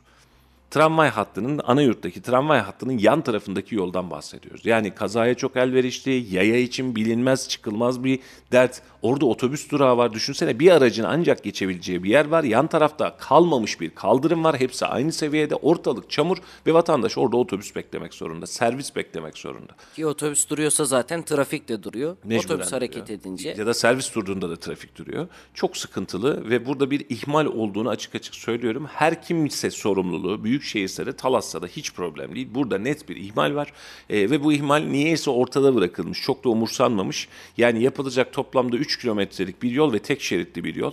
Yani bu hem yapılmalıydı hem kaldırım düzeninde vatandaşı rahatlatabilecek bir aksiyonda alınmalıydı. Şu an vatandaş da mağdur, araç sürücüleri de mağdur. Ee, bir inşaat yapıyoruz, bir iş çıkartıyoruz. Yarın bir gün kar geçtikten sonra yapacağınız oradaki düzeltmenin de benim için gerçekten geçerli hiçbir hükmü ve niteliği yok. Çünkü bu e, dönem öncesinde burada sıkıntı yaş çıkartırız. Burada sıkıntıyı yaşamayalım, vatandaşı mağdur etmeyelim denmek adına yapılması gereken bir işti. Umursanmamış, sallanmamış ve gün itibariyle yüzlerce hatta gün içerisinde binlerce insan aynı yoldan geçmek zorunda ve mağduriyetleri gerçekten çekilir dert değil. Burada da belediye hizmetlerine ya da yapılmayan hizmetlere ya da yanlış planlama yapılan hizmetlere de bir eleştirimiz olarak buraya çentik atmış olalım. Evet. Çünkü burada yaşayan şu an için Talas Mevlana Mahallesi sanırım Kayseri'nin en büyük kalabalık mahalle- mahallesi. Mahallesi. Yani 100 bin bazı ilçelerden daha büyük nüfusu var. O yüzden bazı planlamaları yaparken öngörülebilir olması gerekiyor ve vatandaşların mağduriyetini gidermek açı- açısından daha dikkatli olmamız gerekiyor. Şimdi zaten kızdığımız ya da sinirlendiğimiz noktalar da bu oluyor Meriç'im. Şimdi belediye hizmetlerinde belediye başkanlarımız ya da ilgili daire başkanları bir şekliyle eldeki normal planlamalarına devam ediyorlar. Bak yatmıyorlar. Kaldırımda yapıyor, yolda yapıyor, ağaçta dikiyor, onu da yapıyor, bunu da yapıyor. Eyvallah ama e, ince detaylarda çıkıyor iş ortaya. Şimdi gidip de şuradan Sosun Belediyesi'ne de gitseniz o da kaldırımını, yolunu yapıyor. Ama mesele şu, siz ince planlamaları, büyük şehre ait özel planlamaları yapmaya başladığınızda nitelik ortaya çıkar. Şimdi bu yol sıkıntılı mı sıkıntılı, kullanılmasını istemiyorsanız kapatacaksınız abi o zaman. Vatandaş başka bir yol tercih edecek. Vatandaşa başka bir arter oluşturacaksınız. Var mı elinizde bu? Yok. E yoksa düzelteceksiniz. Geçici çözüm yapacaksınız. Oraya 5 kat asfalt da yapman gerekiyorsa bunun sana maliyeti 2 milyon lira 5 milyon lira olacak olsa sen bunu vatandaş için yapacaksın. Hele tramvay bitsin de bakarız dediğin zaman ortaya çıkabilecek tablo bu oluyor. Ya mesela hep yaşıyoruz mahallelerimizde de hep yaşarız ya gelir mis gibi asfalt dökerler. Böyle var ya tertemiz, kitap gibi, cillop. Çok severiz vatandaş olarak ya öyle dümdüz asfaltlara bayılırız yani. Sonra aradan bir ay geçer bir bakarsın bir kepçe gelir o asfaltı deşmeye başlar. Ne yapıyorsun abi? Abi buradan doğal gaz geçecek, buradan su geçecek, buradan elektrik hattı, buradan fiber hattı geçecek. Ya yeni attık. Yeni attık. Bu niye bir planlamasızlık haline geliyor? Son dönemde bunu minimize indirmeye çalıştılar ama yıllara sahip bunu o kadar fazla yaşadık ki. Gül gibi, çiçek gibi asfalt ekiyoruz. Ondan sonra aradan 3 ay, 5 ay geçiyor. Bir bakıyorsun asfaltı deşmeye başlıyoruz. Buradan yol yapacaktık. Planlama denilen iş burada devreye giriyor. Bir planlama yapmanız gerekiyor. Şimdi o asfaltı yaptıktan sonra eğer biz bunu geçici olarak yapıyoruz diyorsanız buna bir şey demem. Ama geçici olarak yapılan asfalt gibi değil, yama gibi değil, dümdüz tertemiz bir asfalt çözüyorsunuz. Sonra asfaltın ortasından tak diye kanal geçirmeye çalışıyorsunuz. Biz bu tür hadiselerde sıkıntılanıyoruz.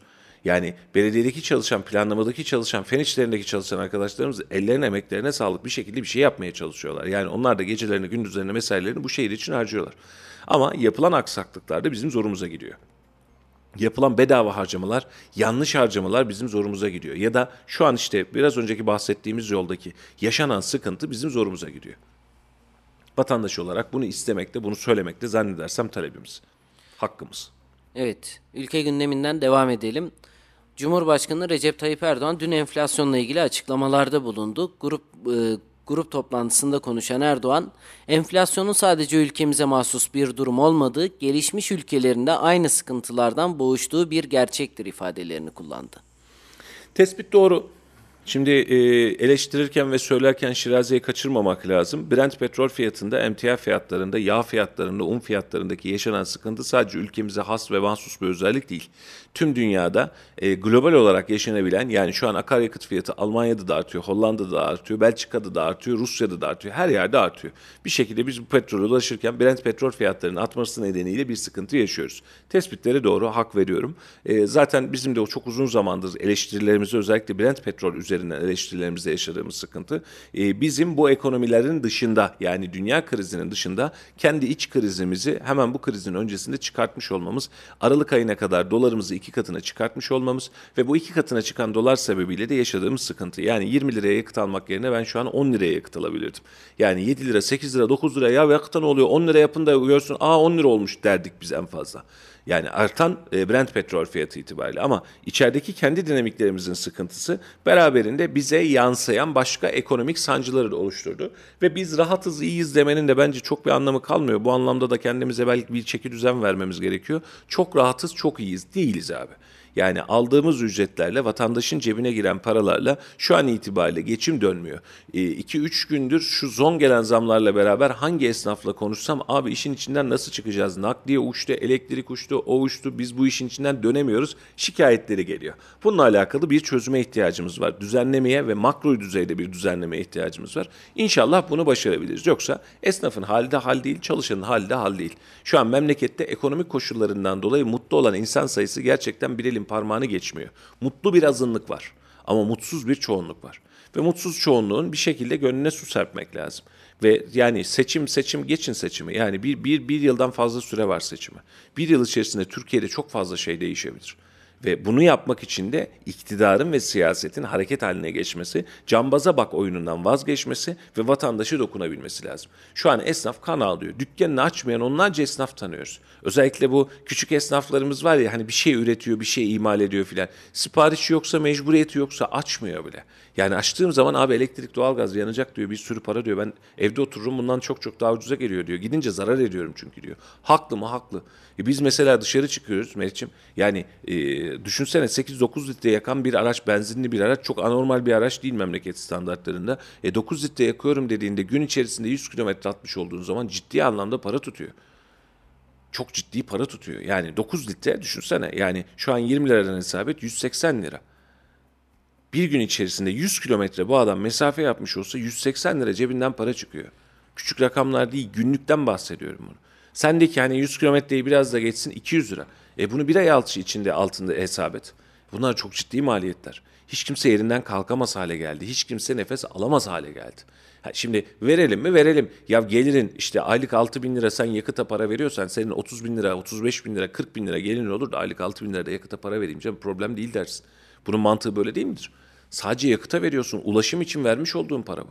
9 litre yakmasın abi ben yanlış biliyorum da. Şu an 23 lira mazotun litresi mazotlu dizel e, 1.3 1.5 motorlu bir araç 6 litre yaksın. 6 litre yaksın. Yani karşına çıkan tabloda yani bir, bir, bir hesabı yapalım. 6 litre bir araç yakıt yakıyorsun. Şu an itibariyle 23 lira. 138 lira 100 kilometredeki maliyet. 180 değil de 140 liraymış yani. Dizelde de böyle bir sancı var çünkü yani artan fiyatlar. Hani bugün itibariyle gelmeyen zam nedeniyle bu haldeyiz. Bir de zam gelmiş olsa sen sağ ben selamet daha beter artıyoruz işin içinden. Şimdi bunların içerisinden çıkamadığımız için darlanıyoruz. Ve e, Cumhurbaşkanımızın açıklamasını gerçekten saygıyla karşılıyorum. Samimiyetle, ironi yapmadan saygıyla. Evet dünya genelinde yaşanan bir kriz nedeniyle, dünya genelinde yaşanan fiyat artışları nedeniyle bize yansıyan fiyatlar var. Yüzde yüz doğru. Yüzde bir, yüzde üç filan demiyorum bakın yüzde yüz doğru. Bu zamları Tayyip Erdoğan yapıyor demek şu dönemde yapılabilecek haksızlık olur, yanlış olur. Çünkü bu Brent petrol fiyatı ve sizin elinizde değil. Yani üreticisi siz değilsiniz. Üreticisi siz olsanız kardeşim devlet üretmiyor mu? Devlet üretiyor. Yarı fiyatına veriyorum iç piyasaya dersin. Misal örnek veriyorum. Bunu diyemiyorsun. Bu tüketimin içerisinde bulunamıyorsun. Ve hepimizi otomatik olarak canı gönülden ve derinlemesine etkiliyor. Ama beraberinde benim satın alma gücümün düşüklüğünün sebebi olarak seni görebiliyorum ben. Yani sana eleştiri sunabiliyorum. Çünkü satın alma gücüm düşüyor. Evet dünya fiyatları artıyor. Ama ben hala daha az yakıt alıyorum. Yani her gün daha az, e, daha ciddi anlamda yoğunlaşıyorum. Ya Melih bak çok basit söylüyorum. Ya günlük 100 kilometre yapan herhangi bir özel sektör çalışanı. 100 kilometre büyük bir rakam değil. Yani ben organizeden İldem'e gidiyorum arabamla. İldem'den de organizeye geliyorum desin. Misal olarak Kayseri standartlarında ya. Bu kilometreyi zaten ortalama olarak bulacak bu adam. Yani yüzde ise de 50'yi bulacak. Anladın mı? Ortaya çıkan rakamlar ürkütücü. Büyük rakamlar. Bunun karşılığında gelirlerimiz minnacık kaldı. Yani yüzde yüz enflasyonu, yüzde yüzün üzerinde akaryakıt zammını, yüzde yüzün üzerinde doğal gaz zammını, yüzde yüzün üzerinde elektrik zammını, yüzde yüzün üzerinde market zammını yaşayan insanın cebine girebilecek paranın yüzde otuz değer arttırması bir şey ifade etmiyor. Bu bize bir şey katmıyor. Öğretmen arkadaşlarımız var, var bak. Yani güzel para alırlar. Çünkü önceden öyleydi ya öğretmen ol devlete sırtını daya filan diye böyle bir edebiyat vardı biliyorsun. Öğretmen arkadaşlarımız şu an almış oldukları rakamlarla geçinmekte zorluk çekiyor. Şimdi diyecek ki asgari ücretli çalışırım. Geçen bir abimiz bize kızıyordu ya asgari ücretten bahsedin. Vallahi çok haklısınız da ben size daha üstünden de bahsederek söylüyorum. Şu an öğretmen arkadaşımız maaşının belli bir kısmını zaten zamanında, vakti zamanında borçlanmış, harçlanmış, ödemesi var, algısı var, çocuğu özel okula göndermiş, yanlışlık etmiş. Ve şu an itibariyle bakıyorsun, geçen yıl geçinebildiği maaşla yeniden üzerinden ekstra borçlanma yapmamasına rağmen bu yıl geçinemiyor. Evet, piyasayı ve var olan piyasayı biz oluşturmuyoruz ama enflasyonu biz oluşturduk. Enflasyon bizim suçumuzdu. Hani bugünkü enflasyondan Şubat ayı, Mart ayı enflasyonundan bahsetmiyorum. Hani Şubat ayında, Mart ayında Avrupa ne diyor biliyor musun? Böyle giderse diyor enflasyon çift taneleri çıkacak diyor. Bizde üç haneleri çıkacak. Aradaki fark çok uçurum. Bakan beylerin vakti zamanında yaptığı açıklamalar vardı ya hani onlarınki yüzde birdi yüzde yediye çıktı bizimki de yüzde yirmiydi şu kadara çıktı. Böyle değil bu iş işte. O bir lira yani 100 dolar verip de almış olduğu ürünü 105 dolara alıyor. Ben 100 dolar verdiğim ürünü yani ya da 100 lira verdiğim ürünü 200 liraya alıyorum. Aradaki fark bu kadar açık. Yani 5 nere 200 nere. Hatırlıyor musun? Meşhur bir abimiz çıkmıştı grup başkan vekiliyle herhalde hesap yapmıştı. Şu kadara dolan poşet 700 euroya doluyor, 150 dolara, euroya dolan poşet diye. Bayağı da sosyal medyada da senin matematik hocan kimdi diye sorulara e, şey kalmıştı. E, kadıncağız, sunucu kadıncağız söylemesem. Böyle bir tablo yok. Ve biz vatandaş olarak zorlanıyoruz. Hep bunu söylüyorum. Esnaf daha beter zorlanıyor. Mal almakta zorlanıyor, mal bulmakta zorlanıyor, gidip gelmekte zorlanıyor, nakliyede zorlanıyor. Ben şu an işte dün e, tırcı kardeşlerimizin açıklaması vardı Hüseyin'ciğim. Hatta onu da bir hazırlayalım, arada alalım. E, ulaşımla alakalı sıkıntıları var. Ve yakıt fiyatları efsane uçtu. Teker fiyatları, lastik fiyatları, bakım fiyatları, AdBlue fiyatları, akü fiyatları, konaklama fiyatları, yemek fiyatları hepsi efsane derecede uçtu. Yani ben ciddi söylüyorum bundan 4 yıl, 5 yıl, 6 yıl öncesinde 1000 liraya İstanbul'a tırı gönderebilirken şu an 1000 liraya şuradan yani şuradan çıkartıp da Boğazlı'ya gönderemezsin. İnce suya gönderemezsin. İş o hale gelmeye başladı. Ve vatandaş da diyor ki benim gelirim bu kadar artmadı ki ben nasıl çıkacağım bu işin içinden diyor. Şu anda da yaşadığımız tablonun neti hülasası bu. Bundan dolayı bizim esnafı koruyacak tedbirler ve alım gücünü yükseltecek tedbirleri oluşturmamız lazım. Bunun da tamamını özel sektörden beklemek gibi bir durumumuz yok. Mesela kamu bankalarıyla alakalı röportajdan sonra geçelim. Hatta şimdi söyleyeyim ondan sonra geçelim. Kamu bankalarına 50 milyar lira civarında destek çıkmışız. Niye biliyor musun? Kamu bankalarından biz kredi dağıtmaya çalıştık ya kamu bankaları zarar etti. Çeşitli isimler altında işte yeni kaynak bulsun filan diye 50 milyar destek çıkmışız. Nereden çıkıyoruz bu desteği? Bütçeden çıkıyoruz. Niye çıkıyoruz bu bütçeyi? Kamu bankalarından birileri kredi kullanabildi diye. Kullandın mı Meriç'im kamu bankasından kredi? Yok, ben Hüseyin'cim kamu bankasına gittiğin zaman sana kredi verdiler mi? Esnaf kardeşlerim söylesin ya. Kamu bankasına gittim benim özel bankada çözmediğim işi düşük faizle tak diye bana hallet desin buyursun. Buyurun Hodri Meydan ya. Kamu bankası ya müşterinin çok sağlam olması ya da tanış olmasını hesap ediyor. Ne anlamda? Birçok anlamda tanış işte onu da siz anlayın. Ve şu an kamu bankasının oluşturduğu, müteahhite verdiği, sanayiciye vermiş olduğu, ucuz fiyattan vermiş olduğu kredinin, hatta o kredilerle yapılan ticaretin dahi ra- farkını ve rakamını bütçe olarak biz örüyoruz. 50 milyar lira para aktardık kamu bankalarına. Buyur buradan yak. Esnafımıza gidelim, bir tır esnafını dinleyelim, bir bakalım ne diyorlarmış. Onur kardeşim de herhalde. Ee, bir dinleyelim ardından buradayız. Akaryakıt ürünlerine üst üste gelen zamlar her alanda maliyetleri yükseltiyor. Kayseri'de bir lojistik firması sahibi olan Onur Erpolat, akaryakıta gelen zamlar sebebiyle zararda olduklarını dile getirdi. Geçen seneye göre bu sene maliyetlerin %400 civarında artış gösterdiğini vurgulayan Erpolat şunları söyledi. Akaryakıt e, her gün zam geldiğinden dolayı korkunç rakamlara ulaştı bu. İster istemez artık sektör çıkmaza girdi. İşin içine kimse çıkamıyor. Gördüğünüz gibi arabalarımız burada boş yatıyor. Bugün arabayı yola göndersen bir servisin tamamlaması 4 günü buluyor. 4 gün üstte ma- mazota zam geldiğinden dolayı bu aracın gidip geldiği topladığı nakliye komple mazota gidiyor. Bize bir şey kalmıyor.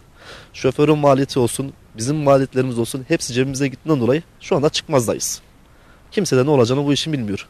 Yani mazot 25-30 bin te- 30 TL bantına dayandı. Yani kimse de bunda bir beklentisi yok. Artık yani öyle bir noktaya geldi ki araçları yatırmak şu an için en karlısı. Araç yola gideceğine kadar garajda yatması daha karlı. Çünkü gidip geldiği zaman mazuta veriyoruz. En azından mazuta çalışmış olmuyoruz. Geçen seneyle bu senenin arasında %350-400 arası zam oldu. Hepsine hem nakliye olsun hem mazot olsun hem yedek parça olsun. Ee, bu zamları artık karşılayacak gücümüz kalmadı yani. E, durum da gittikçe kötüye gidiyor. Yani böyle giderse zaten fazla sürmez. Bir ay içinde, bir buçuk ay içinde burada e, çoğu esnaf batar. Yani bugün benim 11 tane tırım var.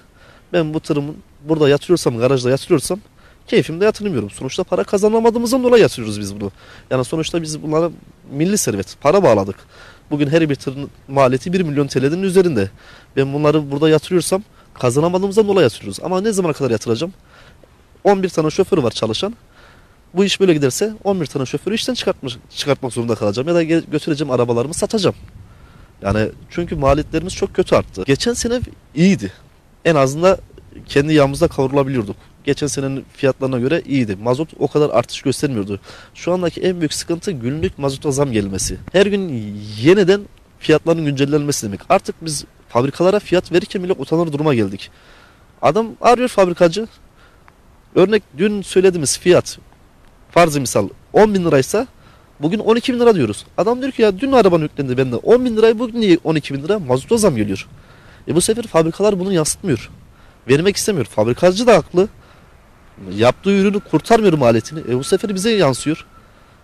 Biz işin içine çıkamıyoruz. Tamamen durma noktasına geldi sektör. Yani şöyle bakarsanız garaj araba dolu. Araba koyacak yer yok. E, Şimdi şöyle size örnek vereyim. E, hatta bilgisayarda bizim e, verilerimiz duruyor topladığımız veriler. Geçen sene bir araba gidip geldiği zaman serviste 1500 TL 2000 TL arası para kalırdı.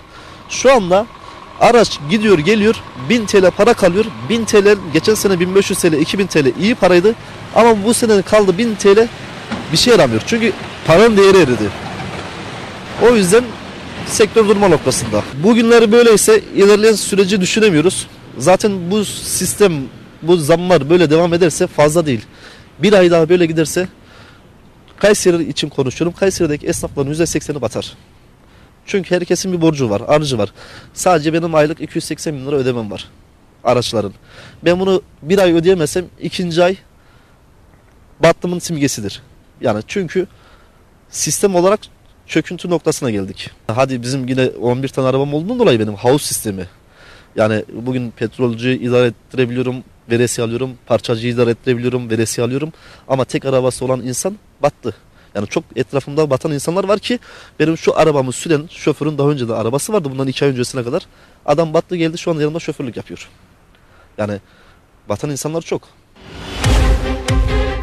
Evet, ulaşımda ve nakliyede de tablo bu. Kardeşlerimize yaptığı haberlerden dolayı teşekkür ediyoruz. Her tarafa da ulaşmaya çalışıyoruz. Acaba kim ne diyor, kim ne halde diye bir şekliyle ortaya çıkabilecek tabloyu da size yansıtmaya çalışıyoruz. Ama şu ana kadar görmüş olduğumuz tabloda e, nakliyecinin, e, marketçinin, ulaşımcının vesairenin hiç kimsenin yüzü gülmüyor. Evet ortada paralar var, ortada rakamlar var. Artan nakliye fiyatları var. Aman para mı kazanıyoruz acabalar var. Ama artan fiyat yetişemeyen dün bir röportajda vardı. Çok hoşuma gitti. Dayım o kadar güzel söylemiş ki diyor ki e, bahsetmiş olduğum diyor ben yükü sırtıma alıyorum indirene kadar 3 kez bize zam geliyor diyor. Hesabını sen yap artık.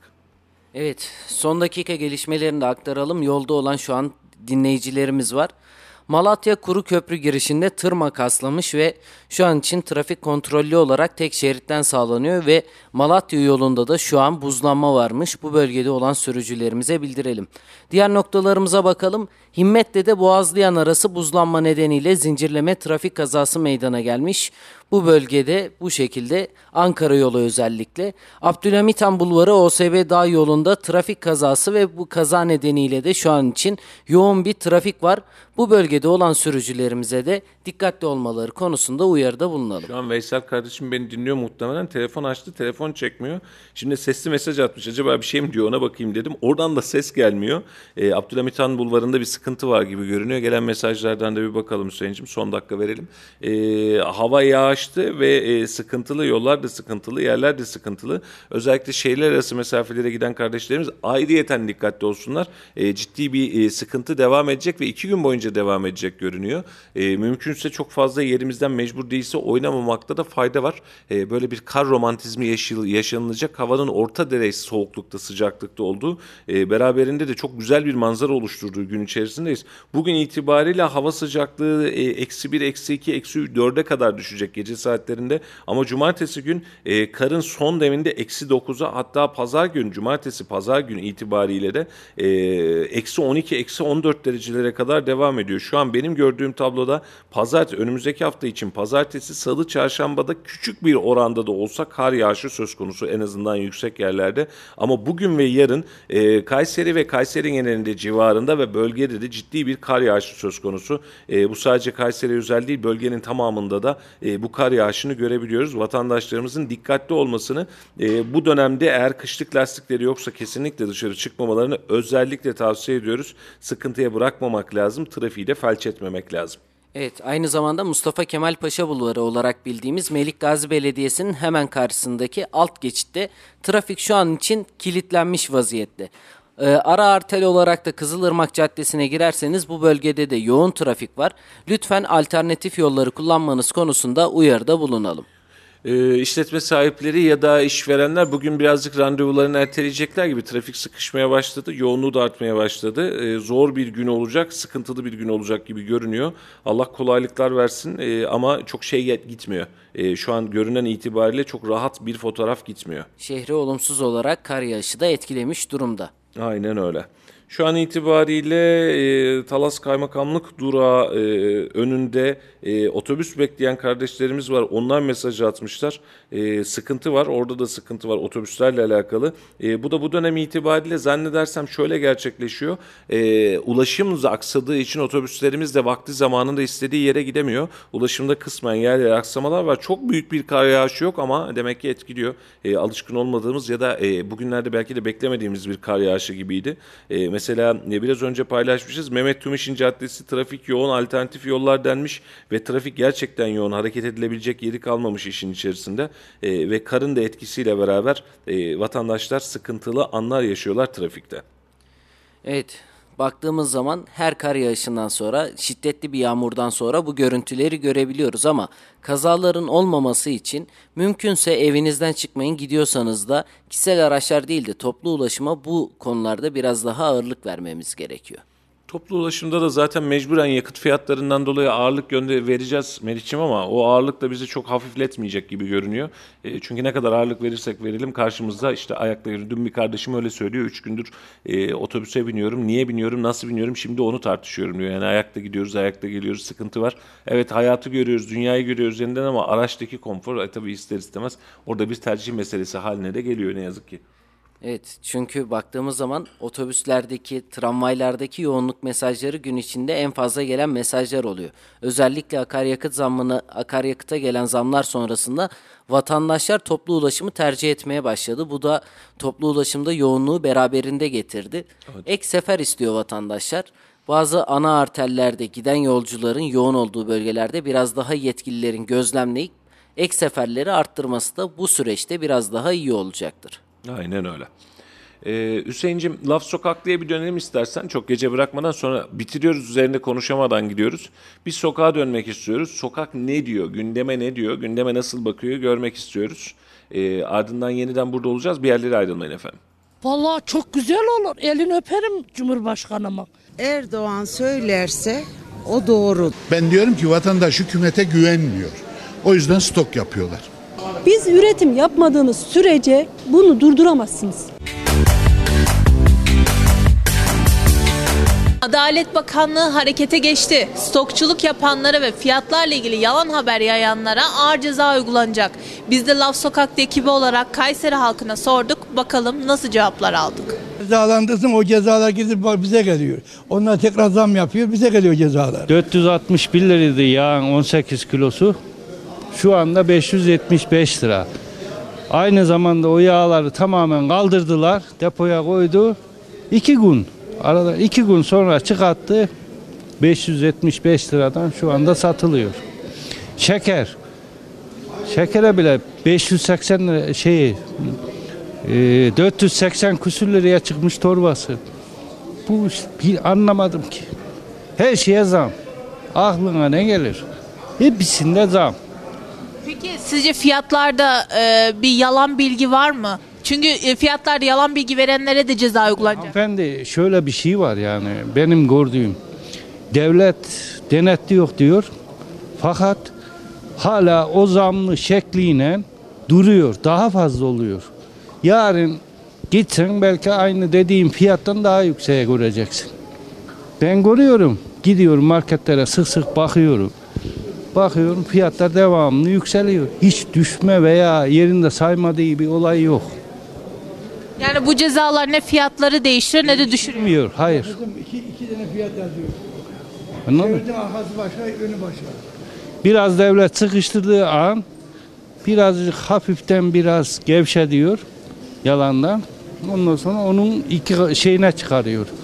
Bir yağ 120 115 lira 120 lira zam gelir mi bir tenike yağ? Hı? Kilosunu ben hesapladım 31 kusure geliyor. Bu kadar da olmaz ki. Ben 8 liraya aldıydım. Zamanında 5 kilosunu 8 liraya alıyordum ben ya. E şimdi 31 lira kilosu.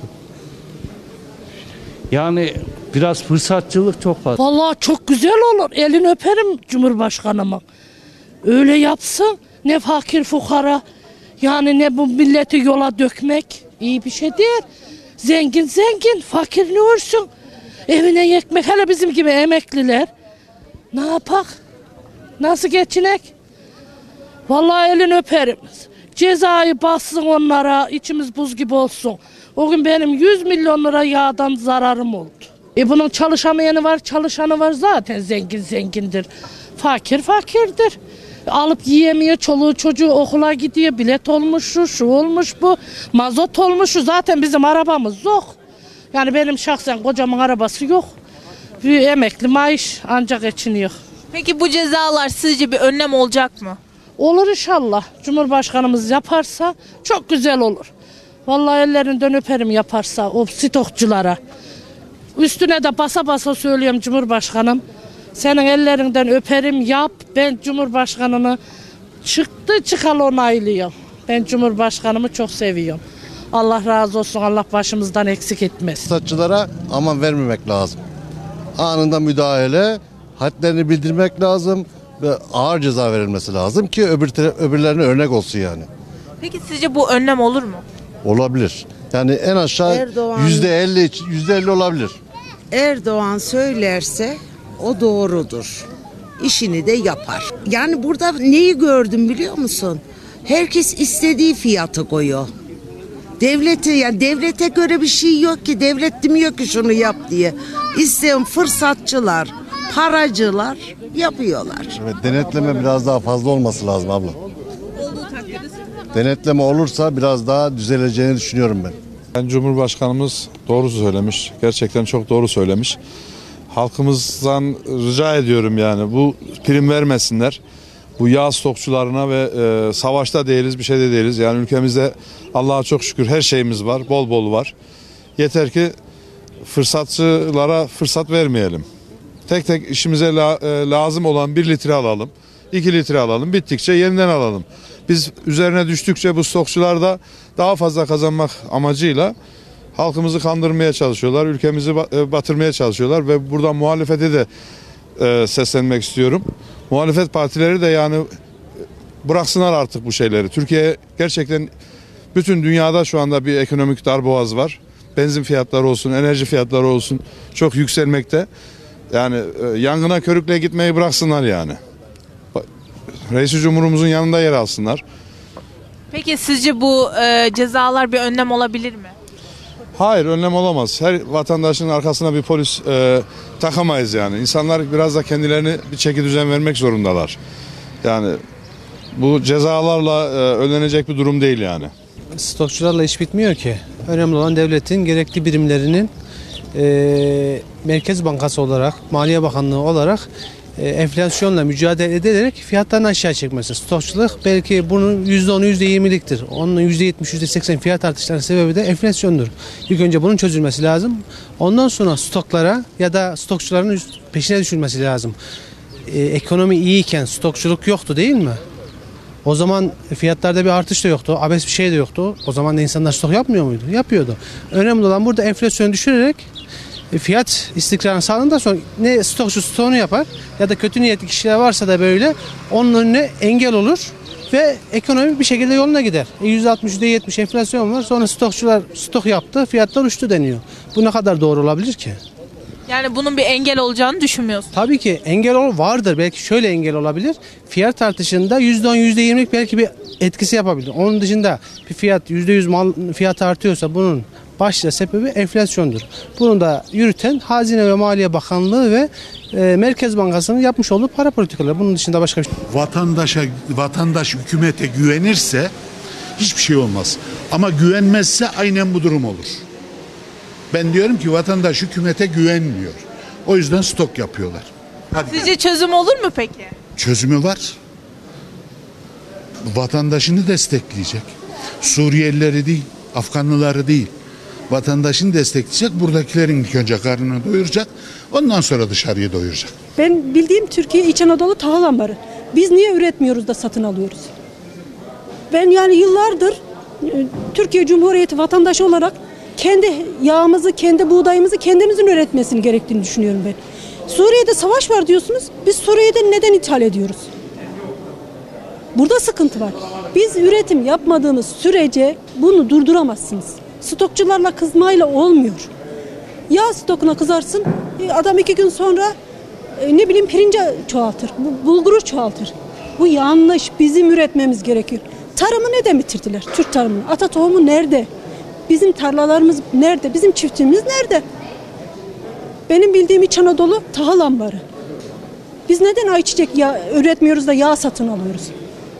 Neden bulgur üretmiyoruz da dışarıdan alıyoruz? Önce bunun önüne geçmesi gerekiyor.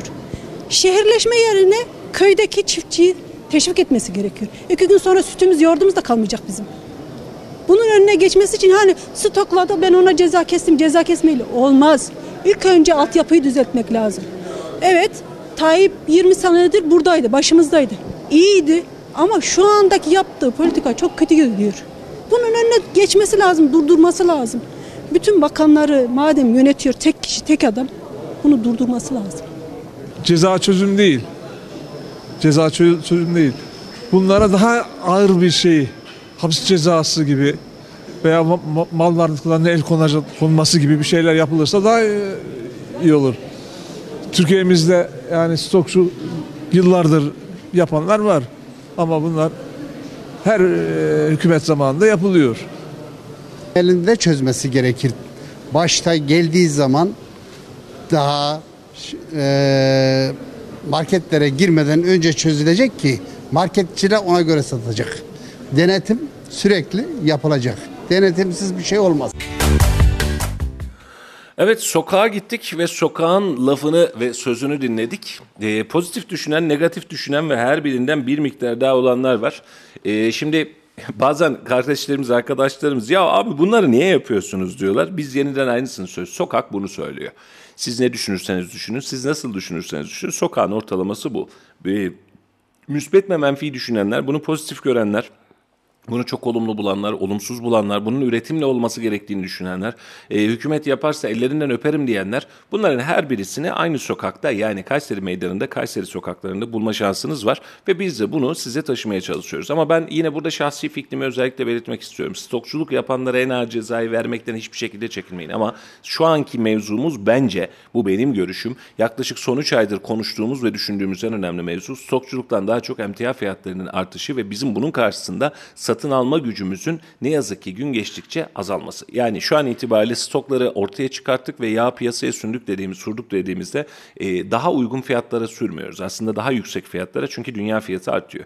E, bakanlığın bu anlamda e, bu tür gruplarda ihracatı yasaklama yani yurt dışına mal gönderimini yasaklaması pozitif bir gelişme olarak değerlendirilmeli. E, çünkü içeride içeriye hali hazırda girmiş bir malı e, içeride para etmiyor ya da içeride satış satacağımız yer bulamıyoruz diyerek yurt dışına satma imkanınız olduğunda içerideki piyasayı da otomatik olarak yükseltmiş oluyordunuz. Şu an bakanlık bunun önüne geçti. Bu aslında pozitif bir e, gelişme olarak değerlendirilebilir. Ama e, dünya emtia fiyatlarında, dolar fiyatlarında, euro fiyatlarındaki artışı hesap ettiğimizde şu an yaşadığımız en büyük sıkıntı, en büyük handikap aslında stokçuluktan daha öte malımızın, mülkümüzün bu süreçte yetişmiyor olması ve bizim paramızın bu ürünleri almaya yetişemiyor olması. Yani biz de bunu fazlasıyla görüyoruz stokçulukla ilgili yani resimler de vardı ama şu an için hükümet nezdinde de hem cezalar nedeniyle hem de diğer nezdinde gerekli yaptırımlar devam ediyor. Vatandaşlar da şu an için sokağa indiğimizde söyledikleri olumlu bulan da var, olumsuz bulan da var. İki vatandaşın dinliyoruz. vatandaşın olumlu olumsuz duyguları ve duruşlarından daha öte biz şu an gerçekten satın alma gücündeki rahatlığa ihtiyacımız var. Biraz önce yayın arasındayken, laf sokaklarısındayken krediden bahsetmiştik. Kemal Bey aradı. Kayseri Esnaf Sanatkarlar Derneği Başkanı Kemal Erçalık aradı. Mustafa'cığım diyor biz daha önce de gündeme getirdik.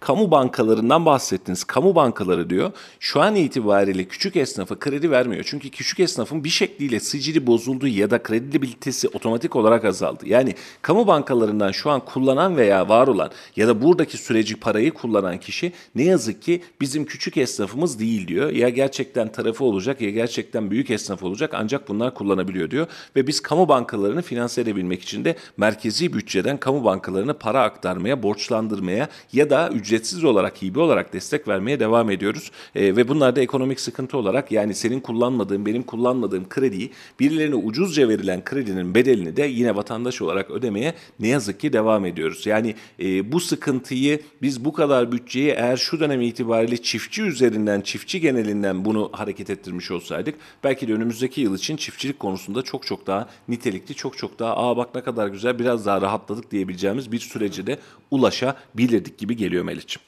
Evet yol durumuna tekrar bir göz atalım mı? Nerede ne var? Evet şu an için bize gelen bilgiler doğrultusunda Himmet'le de Boğazlayan arasında zincirleme bir trafik kazası var. Abdülhamit Bulvarı'nda bir kazamız var. Aynı şekilde e, Malatya yolunda şu an Mimar Sinan OSB'nin alt tarafında tır makaslamış ve trafik tek şeritten akıyor. Şehir içine döndüğümüz zaman Mustafa Kemal Paşa Bulvarı'nda ve Aşık Veysel Bulvarı'nda trafiğin kilitlendiğini görüyoruz. Trafik durumumuz bu şekilde. Eğer sizler trafikteyseniz lütfen dikkatli olun ve saydığımız şehir içindeki kilit olan noktalarda e, bir de Mehmet Timuçin Bulvarı'nda varmış Talas'ta. Bu bölgelerdeyseniz alternatif yolları kullanmanız konusunda uyarıda bulunalım. Şimdi bir yakıt fiyatları için bir kez daha Brent petrol fiyatlarına dönmek istiyorum. Çünkü dün 130 dolar civarına e, kadar çıkıp zam beklentisi haline dönüşen ve akşam saatlerinde ani düşüş sebebiyle zam beklentisinden, zam beklentisinden çıkan yakıt fiyatlarına dönelim. Şu an itibariyle 113 dolar civarında seyrediyor. Bugün 115 dolara kadar çıktı. E, dün 107 dolara kadar da düşmüştü. Şu an 113-115 dolar seviyesinde ve doların artış hızını da hesaba katarak bugün itibariyle yeniden bir zam beklentisine girilebilir mi? Ufak da olsa belki girilebilir. İndirim beklentim şahsım adına yok. E, Epsiz e, bunu açıklayacak mı, açıklayabilecek mi bunu da çok fazla bilmiyorum ama e, şu an itibariyle dolar ve eurodaki e, son bir haftadır yaşanan artış sebebiyle ve beraberinde Brent petrolün de 113-115 dolarlar seviyesinde yeniden seyretmeye başlaması sebebiyle önümüzdeki günlerde, önümüzdeki saatlerde belki de bir zam beklentisinden bahsetmemiz söz konusu olabilir. Belki bugün geçebiliriz ama şunu söylemek lazım. Dizelin motorunun 25 liraya çıkabileceği zam beklentisini şu an geride bıraktık. Yeniden aynı pozisyona gelmek için e, dolarımızın ya da Brent petrolümüzün daha fazla artması gerekiyor. Bunun için e, vatandaş ya da nakliyeci ya nereye kadar gidecek derdini bir nebze rahatlattı gibi. Ama şu önümüzdeki birkaç gün içerisinde hafta sonu dahil olmak üzere Brent petrolü iyi takip etmek lazım. E, gelebilecek ekonomik e, sıkıntılar beraberinde tüm toplumda enflasyonist sıkıntıları da beraberinde getirecek. Şu an yerinde durmaya başladı gibi dünden bu tarafa ama bir günlük veri ile e, bir analiz yapmamız gerçekten zor olacak. Altının ons fiyatında e, 1980 dolar şu an itibariyle altının ons fiyatı. E, kötü olmayan ama e, düne göre son 2 günlük 2050-2070 dolara kadar çıkan altının onsu şu an itibariyle 1980 dolar seviyesine yani yaklaşık bir hafta önceki seviyesine yeniden oturmuş oldu. Şu an itibariyle İstanbul serbest piyasada çeyrek altın 1540 lira, gram altın ise 942 liradan işlem görüyor. E, bu mantığıyla kalırsa dolar ve onstaki artış gerçekleşmezse de bu mantıkta da bugünü kapatmış olacak. Yarın sabah tabii biz bu rakamları yeniden analiz etmek etme şansımız olacak üzerinden geçen 24 saatin sonrasında. Ama şu dakika itibariyle elimizdeki ve görünürdeki tabloda bu olarak ortaya çıkıyor Melih'ciğim. Evet bugün e, ülke gündemine baktığımızda Ankara'da özel halk otobüsleri ve dolmuşlar kontak kapatıyormuş. Evet. Akaryakıta gelen zamların ardından özel halk otobüsleri ve dolmuş esnafı kontak kapatma kararı aldı. E, dün Mansur Yavaş'ın bu konuyla alakalı açıklaması vardı. Kontakta kapatan esnafa destek vermiş. Biz de bunu hızla çözmeye çalışıyoruz demiş. Yani artan maliyetler nedeniyle onların sıkıntısı var. Bizim de belediye olarak veya üzerimize düşenler konusunda biz buna destek vermeye çalışacağız. Hızla da çözeceğiz demiş. E, ama artan maliyetler bu tür yerlerde birazcık daha hızlı reaksiyon gösteriyor. Mesela Kayseri'de artan maliyetle alakalı halk otobüslerinin sesi çıksa da eylem yapamıyorlar. Bir şey de diyemiyorlar. Şu an artan maliyetler herkesin canını yakar durumda. Özellikle Brent Petrol şu anki haliyle kalırsa eyvallah bir miktar daha nefes alabileceğiz gibi en azından belli bir süre e, hengame çıkmayacak. Ama Brent petrol fiyatı artar ve bahsetmiş olduğumuz yakıt fiyatları ya da dolar artar da yakıt fiyatları 25 liranın e, üzerine çıkmaya yeniden tırmanmaya devam edecek olursa şu an ulaşım sektöründeki nakliyecisi, e, taşımacısı, vinççisi dahil olmak üzere herkes için bir zarar kapısı, bir başka zarar kapısı açılmış olacak ve servisçiler dahil, okul servisleri dahil, taksiciler dahil olmak üzere hepsi yeniden bir zam talebinde bulunacak gibi görünüyor. İnşallah çıkmaz. En büyük temennimiz Brent petroldü. Diğeri de e, minimum hale gelsin. Biz 10 liraya akaryakıt kullanalım, 15 liraya, 13 liraya, 12 liraya akaryakıt kullanalım. En büyük temennimiz bu. E, ama şu an dünya konjektüründe bu çok olası gibi görünmüyor. Barış ortamı olmadığı sürece ve bu gerginlik bir şekliyle Rusya'nın da tedarik zincirinde olması sebebiyle bir şekilde bize yansıyacak gibi görünüyor Melih'ciğim. Evet yansıyor da bu savaştan en çok etkilenen ülke ben belki de Türkiye oldu. Sonuçları ne olacak? Bugünkü forum o yüzden gerçekten önemli. Çünkü hem Türkiye'nin hem Rusya'nın hem de Ukrayna'nın Dışişleri Bakanı bugün Antalya'da bir araya gelecek. Evet. Olum dünya adına olumlu yansımasını bekliyoruz ve temennimiz de bu yönde. İnşallah güzel kararlar çıkar ve bir nebze de olsun rahat nefes alırız. İyi olacak umudumuzu hiç yitirmiyoruz. Maşallahımız var hep ağzımız dualı ama sonucunu pek fazla göremedik bugünlerde.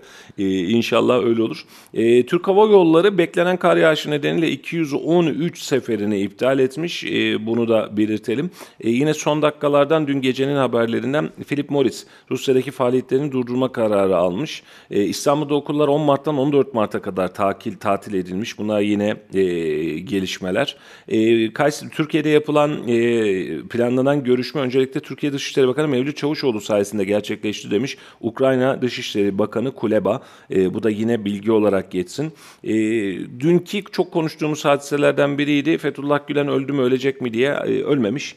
E, görünen tablo bu. Henüz bir cenaze haberi çıkmadı. E, hala da ne yazık ki yaşıyormuş. Ama e, FETÖ hadisesinde dünkü konuştuğumuz gibi de yeniden altını çizerek söylüyorum. FETÖ sadece Fethullah Gülen'den ibaret bir organizma değil. E, Amerikan istihbaratının içinde olduğu bir yapılanma. Yıllar öncesinde konuşulan ve bilinen bir yapılanmaydı. Gözümüzü kapattık, kulağımızı kapattık. Aman görmeyelim dedik ama kazın ayağının öyle olmadığını dönem içerisinde zannedersem görüyoruz. Can kayıplarıyla, mal kayıplarıyla beraberinde görüyoruz. E, Türkiye'nin bu anlamda da sürekli dinamik tutması biri öldü diye bayram etmek yerine Abdullah Öcalan'ı da hapishaneye attık ama PKK'nın sonucunu bitiremedik. Anladın mı? Bir taraftan besliyoruz, bir taraftan da PKK ile mücadeleye devam ediyoruz. Bu dengeleri iyi kontrol etmemiz ve e, oluşabilecek reaksiyonlara karşı kendi alternatiflerimizi, kendi pozisyonlarımızı ve kendi tedbirlerimizi almamız gerekiyor. Plansız aman canım bir şey olmaz diyerek çıktığımız yollar başımıza bela oldu. Ülkeyi elden kaybediyorduk neredeyse Allah göstermesin. Bunun için bunlara da dikkatli olmak lazım. Efendim bize ayrılan sürenin artık sonuna geldik. Biz müsaade istiyoruz. Yarın haftanın son günü ve yarın da Allah'tan mani çıkmaz kar yolları kapatmazsa burada olacağız. Ve yine Melih'le beraber günü gündemi e, ekonomiyi, Rusya'yı, Türkiye'yi ve Kayseri'deki gelişmeleri değerlendireceğiz. E, yarına kadar kendinize iyi bakın. Yol durumuna dikkat edin. E, yavaş gidin ve dikkatli gidin lütfen sizlerden ricamız. Gün içi yayınlarımızla Radyo Radar'da size ulaşmaya devam edeceğiz. Bizi takip etmeyi Radyo Radar 918 e, sosyal medya hesaplarımız Twitter, Facebook, Instagram dahil olmak üzere bizi de buradan takip etmeyi ihmal etmeyin. Yeni yayınlarda görüşmek üzere. Hoşçakalın. Radyo Radar yol açık sona er.